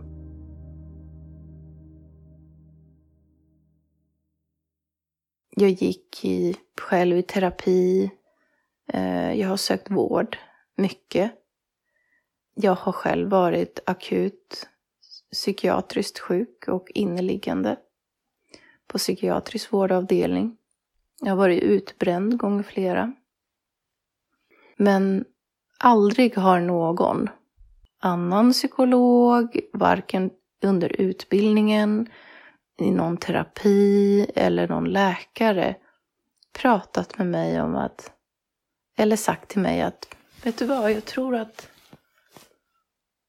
du har varit med om ganska mycket trauma i din uppväxt. Och att det är roten till dina svårigheter. Det har ingen sagt. Och jag hade svårt att själv tänka i sådana banor eftersom det syntes inte på mig att jag var traumatiserad eller på familjen.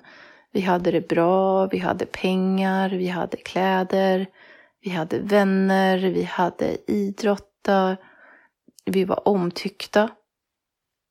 Vi var inte liksom arbetslösa, narkomaner, någon som slog någon. De här typiska traumorna som på något sätt är accepterade som trauman i samhället.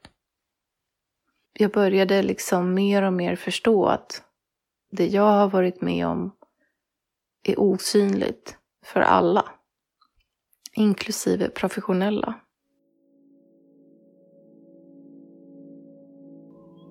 Det här är bara mina egna spekulationer. Varför det pratas mer om emotionellt dysfunktionella familjer i andra länder, i USA kanske.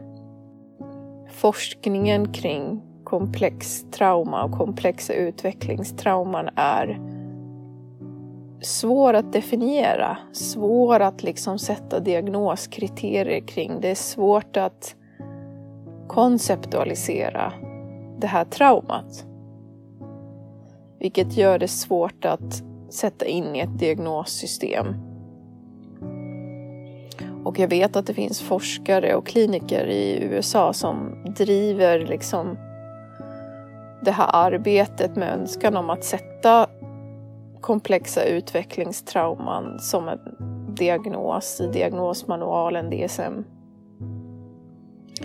Men det lyckas inte. Ibland tänker jag på att det är lite kulturellt betingat hur vi pratar om sådana här saker. Jag tänker att vi har ju mycket kring eh, jantelagen och någon slags konflikträdsla som definierar mycket i våran kultur. Jag tänker att det finns lite mindre av det generellt i USA. Jag vet själv som psykolog att bara jag tänker tanken på att starta en Instagram-profil eller en YouTube-video så får jag genast tankar om att om jag kanske blir av med min legitimation om jag pratar om saker som inte är evidensbaserade eller att jag får hela min psykologkår och mina kollegor emot mig. Och sen har vi ju den här samhällsaspekten i det här att prata om just den här saken. För att många familjer är dysfunktionella. Vilket innebär att samhället också är dysfunktionellt på många sätt.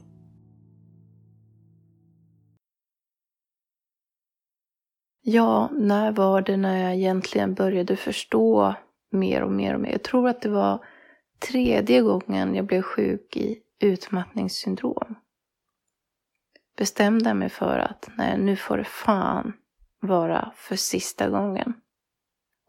Och eh, jag gick till min chef och sa att jag vill vara sjukskriven ett halvår och jag anmälde mig själv till stressrehabilitering. Där började jag gräva i mig själv djupare och djupare. Jag började förstå mer och mer om nervsystemet och hur vi rent biologiskt fungerar. Men fortfarande inte på stressrehabilitering nämnde någon någonting om trauma. Men jag börjar samtidigt följa en psykolog på Instagram som heter Holistic Psychologist. Och hon pratar om att i samhället finns det en för snäv beteckning på vad trauma faktiskt är. Inom psykiatrin så pratar vi om posttraumatiskt stresssyndrom som innebär specifika chocktrauman som händer. Det kanske mest kända PTSD, eller vad många tänker på när man hör PTSD, är när det gäller krigsveteraners upplevelser och symptom efter krig. Och det är ju såklart trauma. Men vad är då det här då jag har upplevt? Är jag traumatiserad av min uppväxt som till ytan var bra? Och hon blev en stor inspirationskälla för mig för att hennes historia liknade min och hon var psykolog. Så hennes Instagram-inlägg, genom dem så började jag förstå att det är trauma och komplex PTSD som jag har. Och då började poletten trilla längre och längre ner. Det var både överväldigande och skönt. Att verkligen börja förstå och se hur ens egna familj hade gjort en så illa. Under ett helt liv. Det minskade på min egna skam och skuld. För det som händer med barn som växer upp i narcissistiska familjestrukturer eller är, är med om sådana här typer av trauman, det är ju att för ett barns psyke klarar inte att ifrågasätta föräldern. I ett barns värld så är föräldern allsmäktig och en extremt viktig person för barnets överlevnad. Barnet kan inte ifrågasätta det. Eller liksom medvetet tänka att det är föräldern som inte vet hur den ska vara en trygg förälder. Utan barnet vänder det inåt. Det är jag som är fel. Där har vi ju då grunden till mycket psykisk ohälsa, anser jag. Efter att jag började förstå det här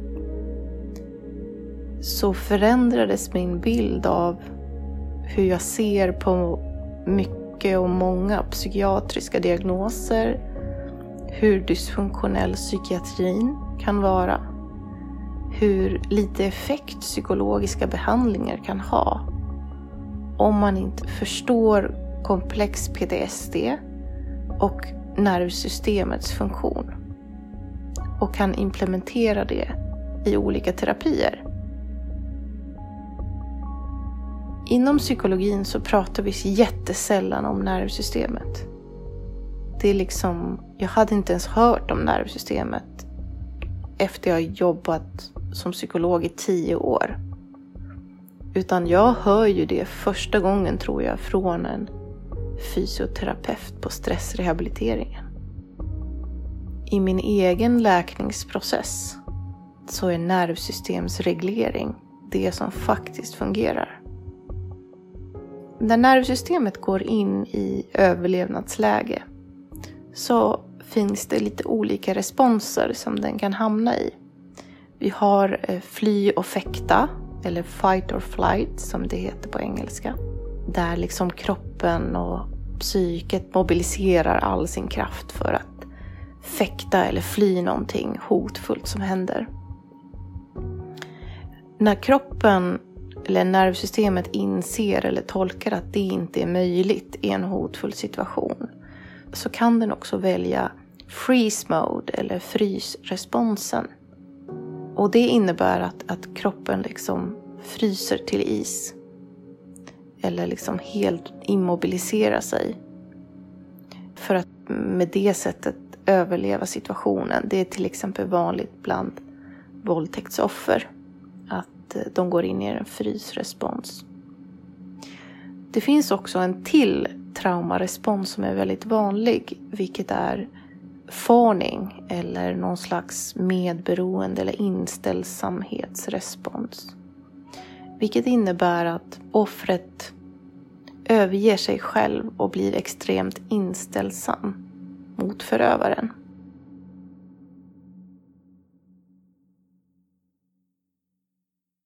För mig personligen insåg jag att jag har ju använt den responsen väldigt ofta. Eh, jag har hamnat i ett sjukligt medberoende där jag i princip alltid offrat mig själv för andras skull utan att förstå att jag gjorde det.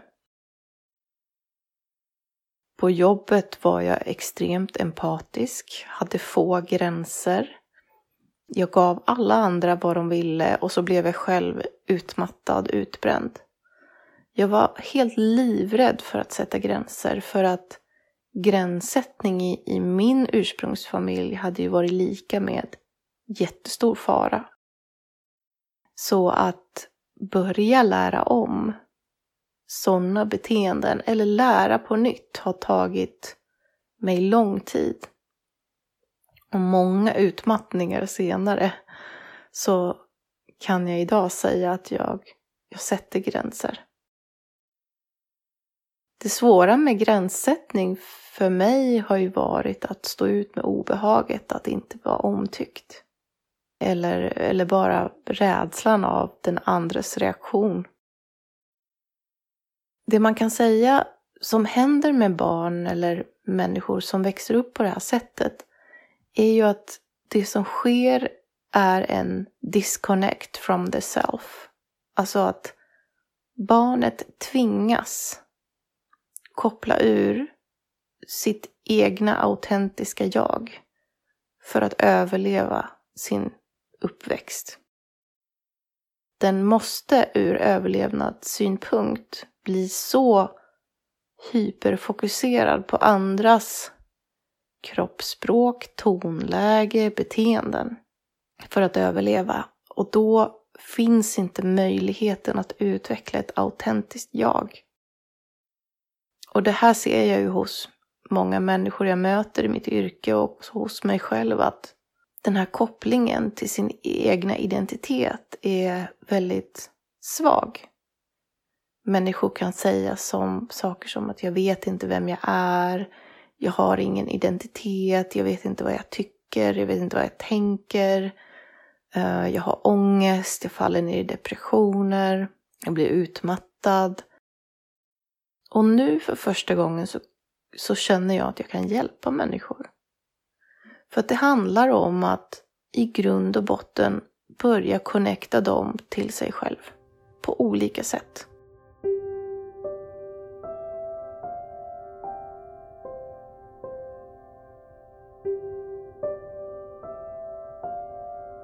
Allra första steget är ju att bli väldigt medveten och förstå vad man har varit med om. En sån sak som man kan börja med om man inte riktigt vet vart eller hur man ska börja eh, är att börja lyssna till sin egen kropp. För nervsystemet är ju där hela tiden och den berättar ju saker. Har man liksom oro, hjärtklappning, svettningar, väldigt trött kanske, så berättar ju kroppen någonting.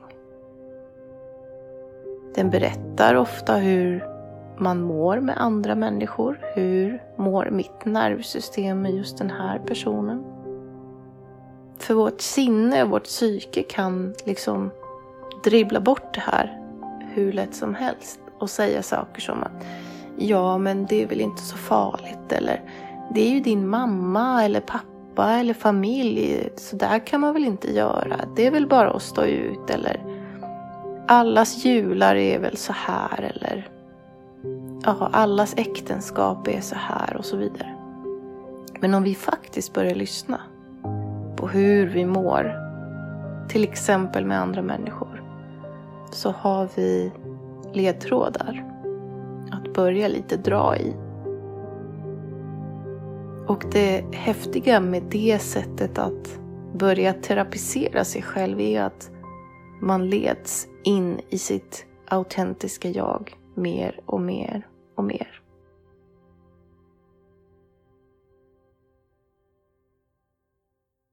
En av de första reaktionerna som brukar komma när människor börjar inse vad de har varit med om är sorg. En överväldigande sorg över vad de faktiskt har varit med om och vad jag faktiskt har varit med om. Hur mycket tid av ens liv liksom gått åt till att överleva och inte leva. Inte kunna leva. Och när den sorgen kommer så brukar jag säga att terapin fungerar. Det här är en terapeutisk effekt som leder dig till dina känslor. Det där som du har tryckt undan, varit tvungen att trycka undan för att överleva. Många komplex traumaöverlevare har en väldigt stark inre kritiker. Den kan säga saker som att eh, du borde vara bättre eller du borde skärpa dig eller prestera hårdare. Den kan vara väldigt elakt och, elak och väldigt dömande. Och en av de psykologiska teknikerna som som brukar fungera väldigt bra är ju att börja öva att prata till sig själv med självmedkänsla eller self-compassion som det heter på engelska. Self-compassion innebär att man skapar sig själv, den där inre, trygga, kärleksfulla föräldern. Den där föräldern som man önskade att man hade haft och börjar prata till sig själv på det sättet i sina tankar. Så istället för att piska mig till någon slags prestation, till exempel skulle det kunna vara att jag borde ju vara psykiskt frisk för att jag är ju psykolog. Jag borde ju bara skärpa mig liksom. Jag har så mycket kunskap och jag har läst så länge så att varför är ångest ett problem för mig? Och kanske börja omformulera det där lite grann. Det skulle kunna låta som att jag är stolt över mig, att jag eh, är psykolog och allt jag har liksom kämpat med hela livet för att komma dit jag är nu. Jag har svår ångest som jag tampas med och det är en produkt av det som jag har varit med om och det har varit oerhört tufft att gå igenom livet utan emotionellt stöd. Så att jag är stolt över mig själv för det jag gör varje dag. Att jag inte bara hjälper mig själv, utan jag hjälper också andra. Och den här typen av inre dialog är väldigt svår för många människor och väldigt ovan. Men det är reglerande för nervsystemet man kan få en ganska positiv effekt ganska fort. Även om det är i början när man är ovan att tänka så om sig själv så kan det vara svårt. Hjärnforskning har visat hur om man tränar på self-compassion um, så regelbundet så påverkar ju det vår hjärna. Det påverkar bland annat vår förmåga att reglera våra känslor. Den bidrar till bättre minne, mindre känslor av rädsla, ångest, bättre kognition rent generellt. Så att det är ett kraftfullt verktyg som jag använder dagligen med mig själv och mina klienter som jag träffar. För det är ju ganska intressant att vi människor, många av oss, om vi ställer den här frågan att ja, men, om din vän berättade det här, vad skulle du säga? Och ofta säger människor väldigt stöttande saker till en vän. Men sen är de väldigt tuffa, krävande mot sig själva. Och det är ju intressant. Så det är en stor nyckel i trauma, komplexa traumaterapin. Att ändra den inre dialogen till self-compassion.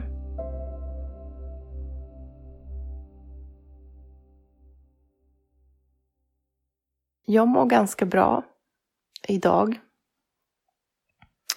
Jag um, går igenom en ganska tuff livssituation för tillfället. Men min situation handlar om att jag har valt mig själv. Jag har valt läkning. Jag har valt att vara ärlig mot mig själv. Jag har tagit avstånd från många dysfunktionella familjemedlemmar och tidigare vänner. För jag har börjat sätta mig själv först. Min egen mentala hälsa, fysiska hälsa går före allt annat. Och där är jag nu ganska skoningslös. Jag har inte gått helt no contact med min ursprungsfamilj, men lägre kontakt. Ett sätt att skydda sig från emotionellt dysfunktionella personer är att inte berätta saker om sig själv som har ett emotionellt värde. Utan då kan man applicera en metod som kallas grey rocking, eh, vilket betyder att man beter sig som en grå sten. Inte berättar någonting om någon känsla för att det kan komma att användas emot en. Utan pratar om väder och vind och ganska så här icke-triggande saker. Och detta är inte liksom tanken att bestraffa någon annan utan att endast skydda sig själv.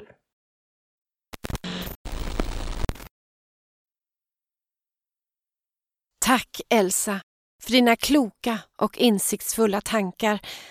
Det är verkligen det här med self-compassion, eller snarare självkärlek, som är nyckeln till att börja bygga upp sig själv och sitt liv efter man har lyckats trassla sig ur det snåriga klustret av smärtsamma, skuldbeläggande och förvirrande rötter. Jag har gjort många avsnitt nu av epilogen där jag pratar om hur man kan bygga upp mer självkärlek. Bland annat i mina sommarepiloger från 2021, Orimlighetsprincipen och Banansyndromet. Lyssna gärna på dem. När vi börjar praktisera mer självkärlek så kommer vi vilja att sätta tydliga hälsosamma gränser runt oss och därefter hålla dem intakta även när andra gör försök att invadera dem. Och om någon fortsätter att invadera våra gränser om och om igen, ja, då har vi ju inget annat val än att bryta oss loss från relationen vare sig det gäller en vänskapsrelation, en kärleksrelation eller någon av våra närmsta familjerelationer. Avslutningsvis ska vi lyssna till Kim som, precis som Kristin och Elsa, till slut kom till punkten då hon var tvungen att bryta sig loss ur den skadliga familjedynamiken för att kunna läka och börja leva istället för att endast överleva. Och Kim har satt ihop en fantastisk lista med bra tips och stöd för dig som kanske funderar på att bryta med en eller flera narcissistiska familjemedlemmar eller för dig som redan tagit detta oerhörda, smärtsamma beslut.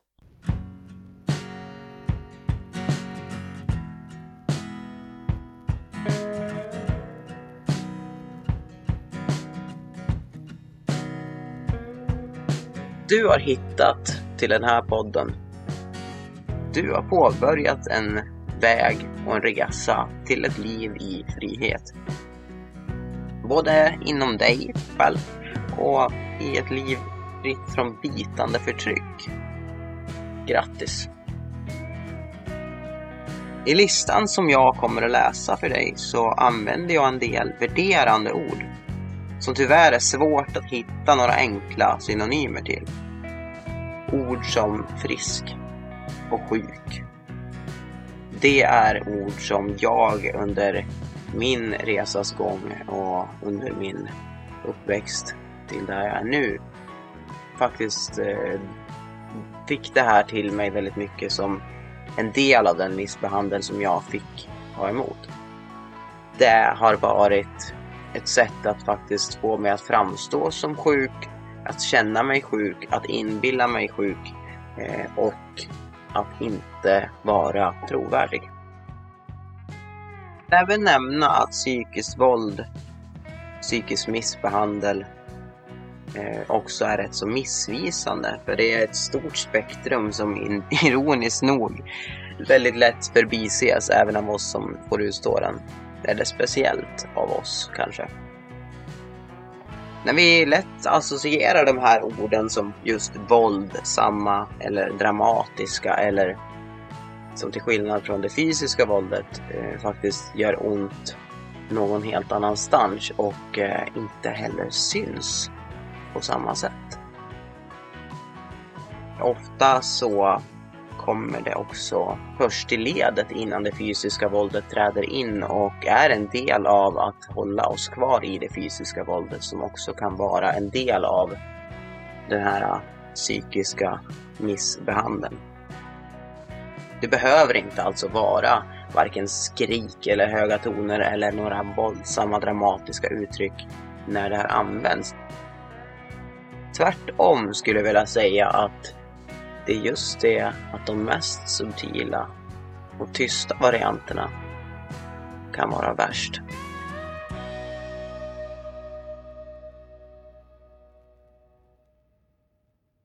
När du väl lär dig att upptäcka dem, identifiera dem och förstå dem och vilken inverkan de har haft på dig och har på andra så kanske du drabbas av en plötslig känsla av svek, ensamhet. En hel del känslor som inte bara riktar sig mot förövaren men också runt de människor som fanns runt om dig som ville dig väl i den mening att de faktiskt inte verkade se eller valde de att inte se eller varför ser de inte nu? Kanske nu när du har kommit till den här punkten så gör du just det för att de här människorna kanske också har tagit förövarens parti till slut. Jag vet inte. Eh, så här var det för mig. Eh, jag kommer att läsa upp den här listan till dig och du kommer att få applicera de här orden som jag nämnt med misshandel, psykiskt våld och frisk och sjuk precis där du känner att det behövs. Eh, jag vill skapa en mall som egentligen är applicerbar på ett mycket större område. Vi lever helt olika liv och din historia kanske inte alls liknar min i sak eller så, kanske i stort eller närmare varann. Men vi är så himla olika som människor och våldet kan till viss del eh, se olika ut men ändå så är det din upplevelse som du har rätt till och det här är för din egen skull. Så kom ihåg också att den här valideringen och, och, att bli förstådd och hörd av en omgivning som faktiskt nu kanske ännu mer inte hör dig, inte ser dig och inte vill förstå dig. Det är inte deras validering eller deras förlåt eller att de behöver bekräfta det här. Eller skriva under på det. För tro mig när jag säger att det är inte många som kommer att vilja ta ansvar. Eh, och det är inte heller din nyckel till frihet. Så, jag börjar där innan, innan jag läser den här listan. Lär dig vad psykiskt våld är. I många fall så kallas dessa former också för härskartekniker. Lär dig hur man utövar olika former av psykiskt våld. Då det ofta kommer vara det som kommer först i ordningen av att bli nedbruten i livet och i relationer. Om du är en frisk individ så kommer du inte använda dessa tekniker att härska och söndra. Och om du är en sjuk individ kommer du använda dessa tekniker redan och genom att läsa på kan en sådan sjuk individ få spetskompetens i att manipulera andra, vilket de troligtvis redan kommit på själva. Sedan, när de sjuka individernas psykiska våld inte har någonstans där det kan få fäste och du tydligt lärt dig att se när det används mot dig eller andra, därigenom upptäcka samt värja dig mot dessa individers försök att få ditt över, sitt övertag om dig. Då kan du även öva på olika sätt att svara på våldet, vilket inte alls säkert kräver något våld i motsatt riktning. Om gemene man blev skolade från grunden i hur psykiskt våld i praktiken fungerar, så upphör narcissisternas dominans. Och teoretiskt sett så skulle vi uppnå balans där ingen blev offer och våldet förlorade sin inverkan på försvarslösa människor.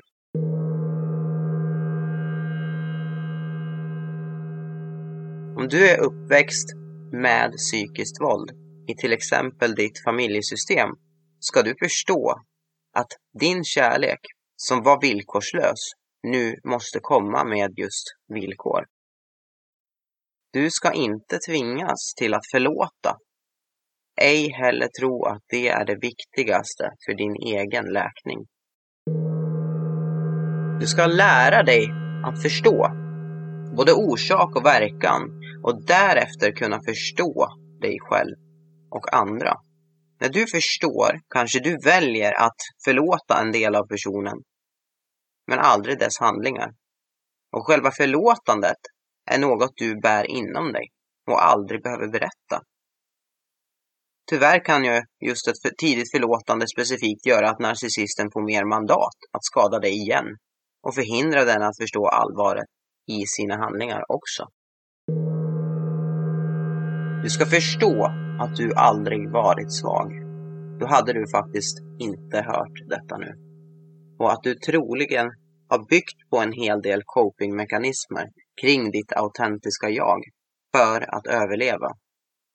Du har varit ofrivilligt chanslös i livet.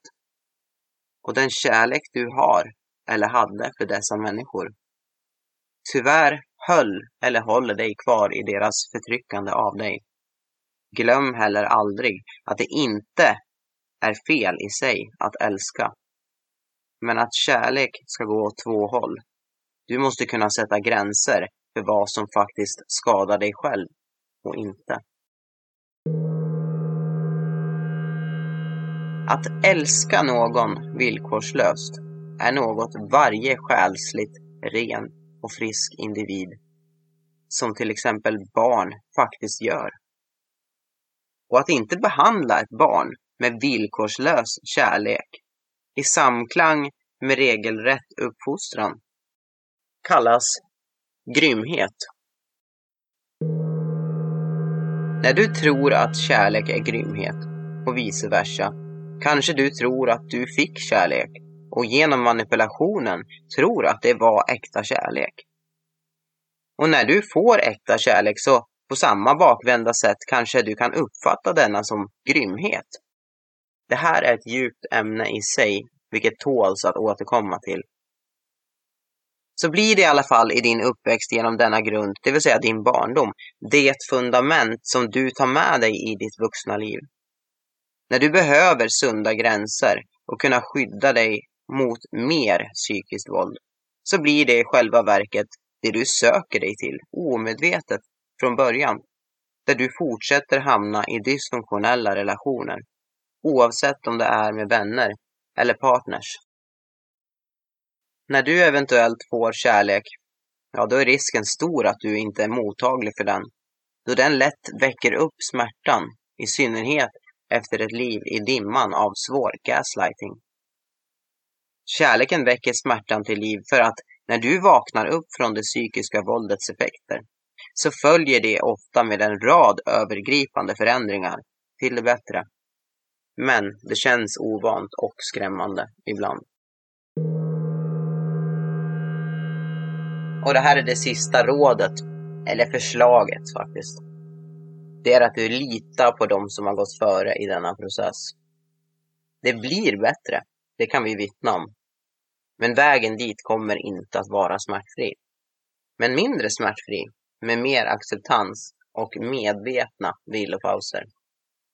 När du känner för att ge upp så vilar du. Sen tar du nya tag. Låt poletterna som trillar ner ta sin tid att smälta in i ditt medvetande. I synnerhet ska du veta att det är naturligt att känna sig ensam stundvis i vissa steg mot ett bättre liv. Men att vi är många och att du hittar oss på din resa och att du faktiskt aldrig är varken själv eller ensam i detta. Det var min lista och eh, jag vill också lägga till några tankar som kommer till mig kring det här. Som jag också tror är minst lika viktiga att förstå. Det är en naturlig del hos en traumatiserad individ att ifrågasätta sig själv, sitt förstånd, sina minnen och så vidare. Det är faktiskt en, en av följderna av den främsta och kanske styggaste formen av eh, psykisk missbehandel. Eh, det är som vi kallar för gaslighting.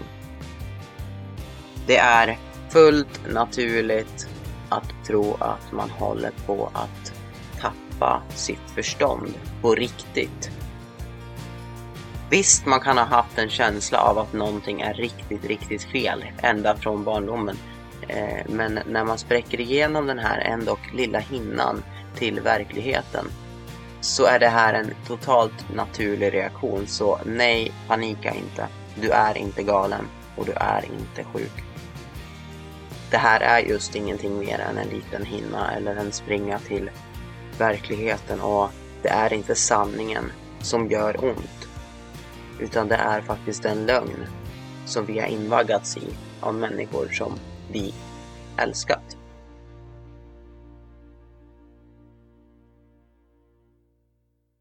Det här behöver aldrig ruscha. Det här är liksom låt det ta för alltid om det så krävs. Men det är värt varenda sekund av det som vi kallar för smärta.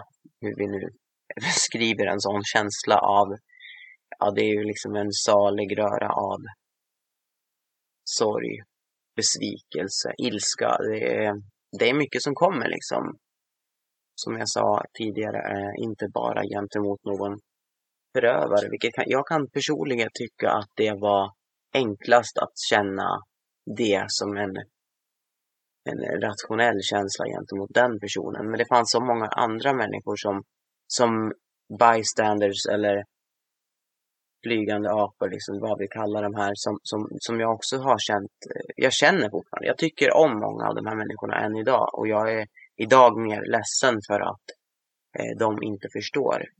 Jag kan också se att många av dem är ett offer för själva hjärnan eller förövaren i det här och att de också själva behöver höra det här för att kunna applicera det på sina liv och på de processer och smärtor som de går igenom.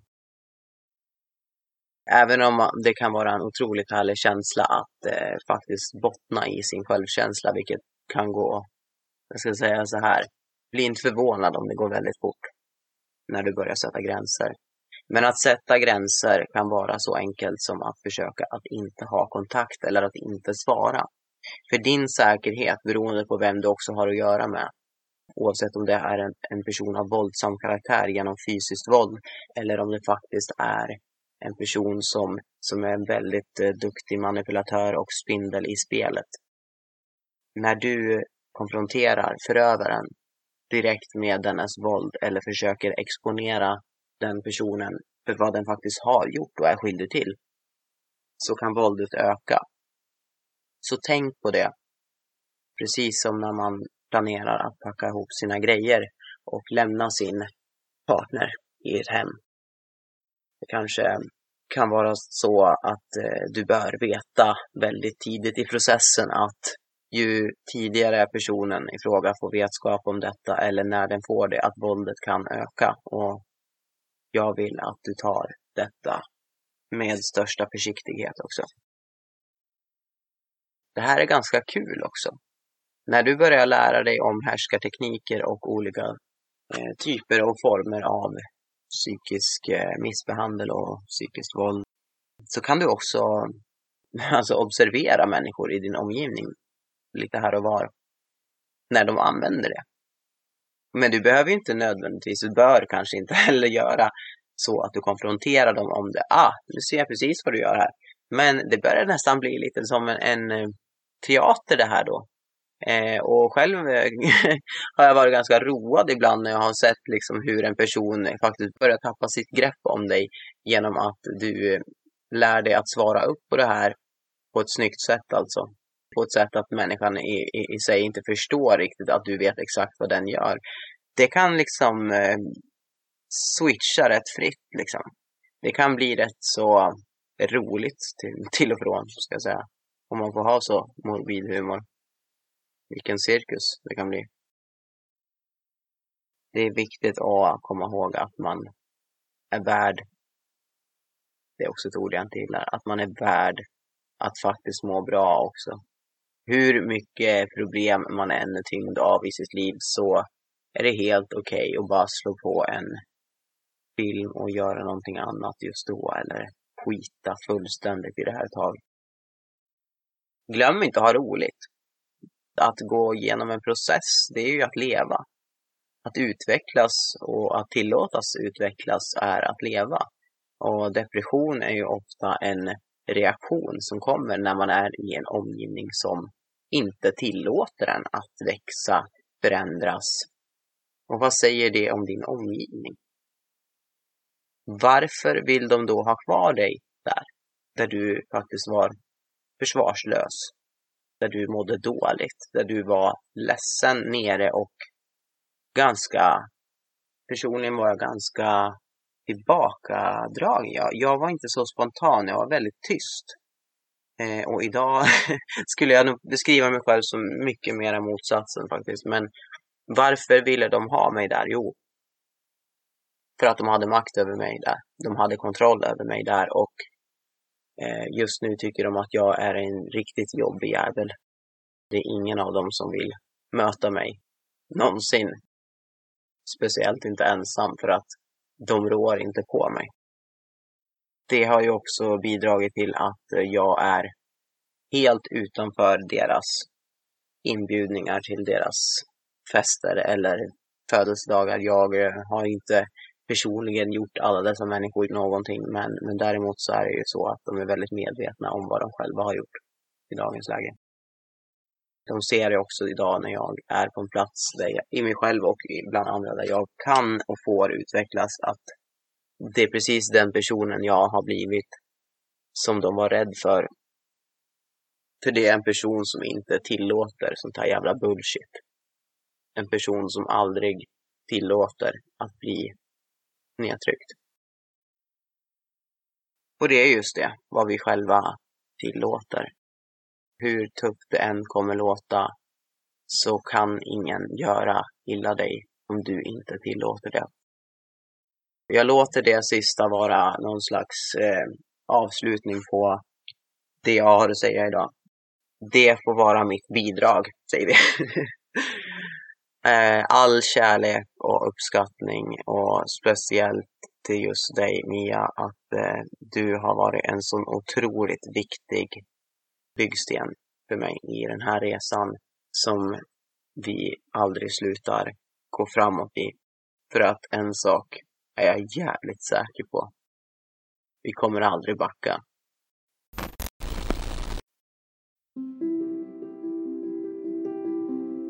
Tusen tack Kim.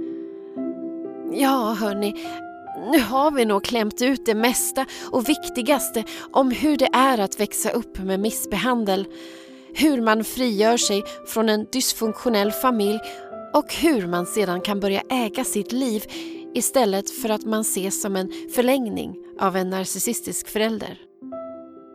Så jag tänkte avsluta det här näst sista avsnittet av epilogen med att spela upp några av de kloka och modiga röster vi har mött här i podden genom åren. Som har gett en sådan nyanserad inblick i upplevelsen av att växa upp med missbehandel. Jag har valt mig själv. Jag har valt läkning. Jag har valt att vara ärlig mot mig själv. Att bli illa behandlad har stympat mig och gett mig bestående men. Inga av mina egenskaper har kommit ur det, så jag är inte som jag är tack vare, utan trots. Det är jag. Det där lilla fröet som fanns långt inne i mig och var ledset och kände att något var galet och fel och skrek och slogs och var besvärligt. Det där fröet av mig själv som fick nog och vägrade att inte blomma. Men du är fri nu, lilla Kristin. Fri till att leva ditt liv. Just precis så. Som du vill. Jag mår bra. Och jag tror en bidragande orsak är att jag har ingen kontakt med mina föräldrar idag. Helt enkelt för att det går inte.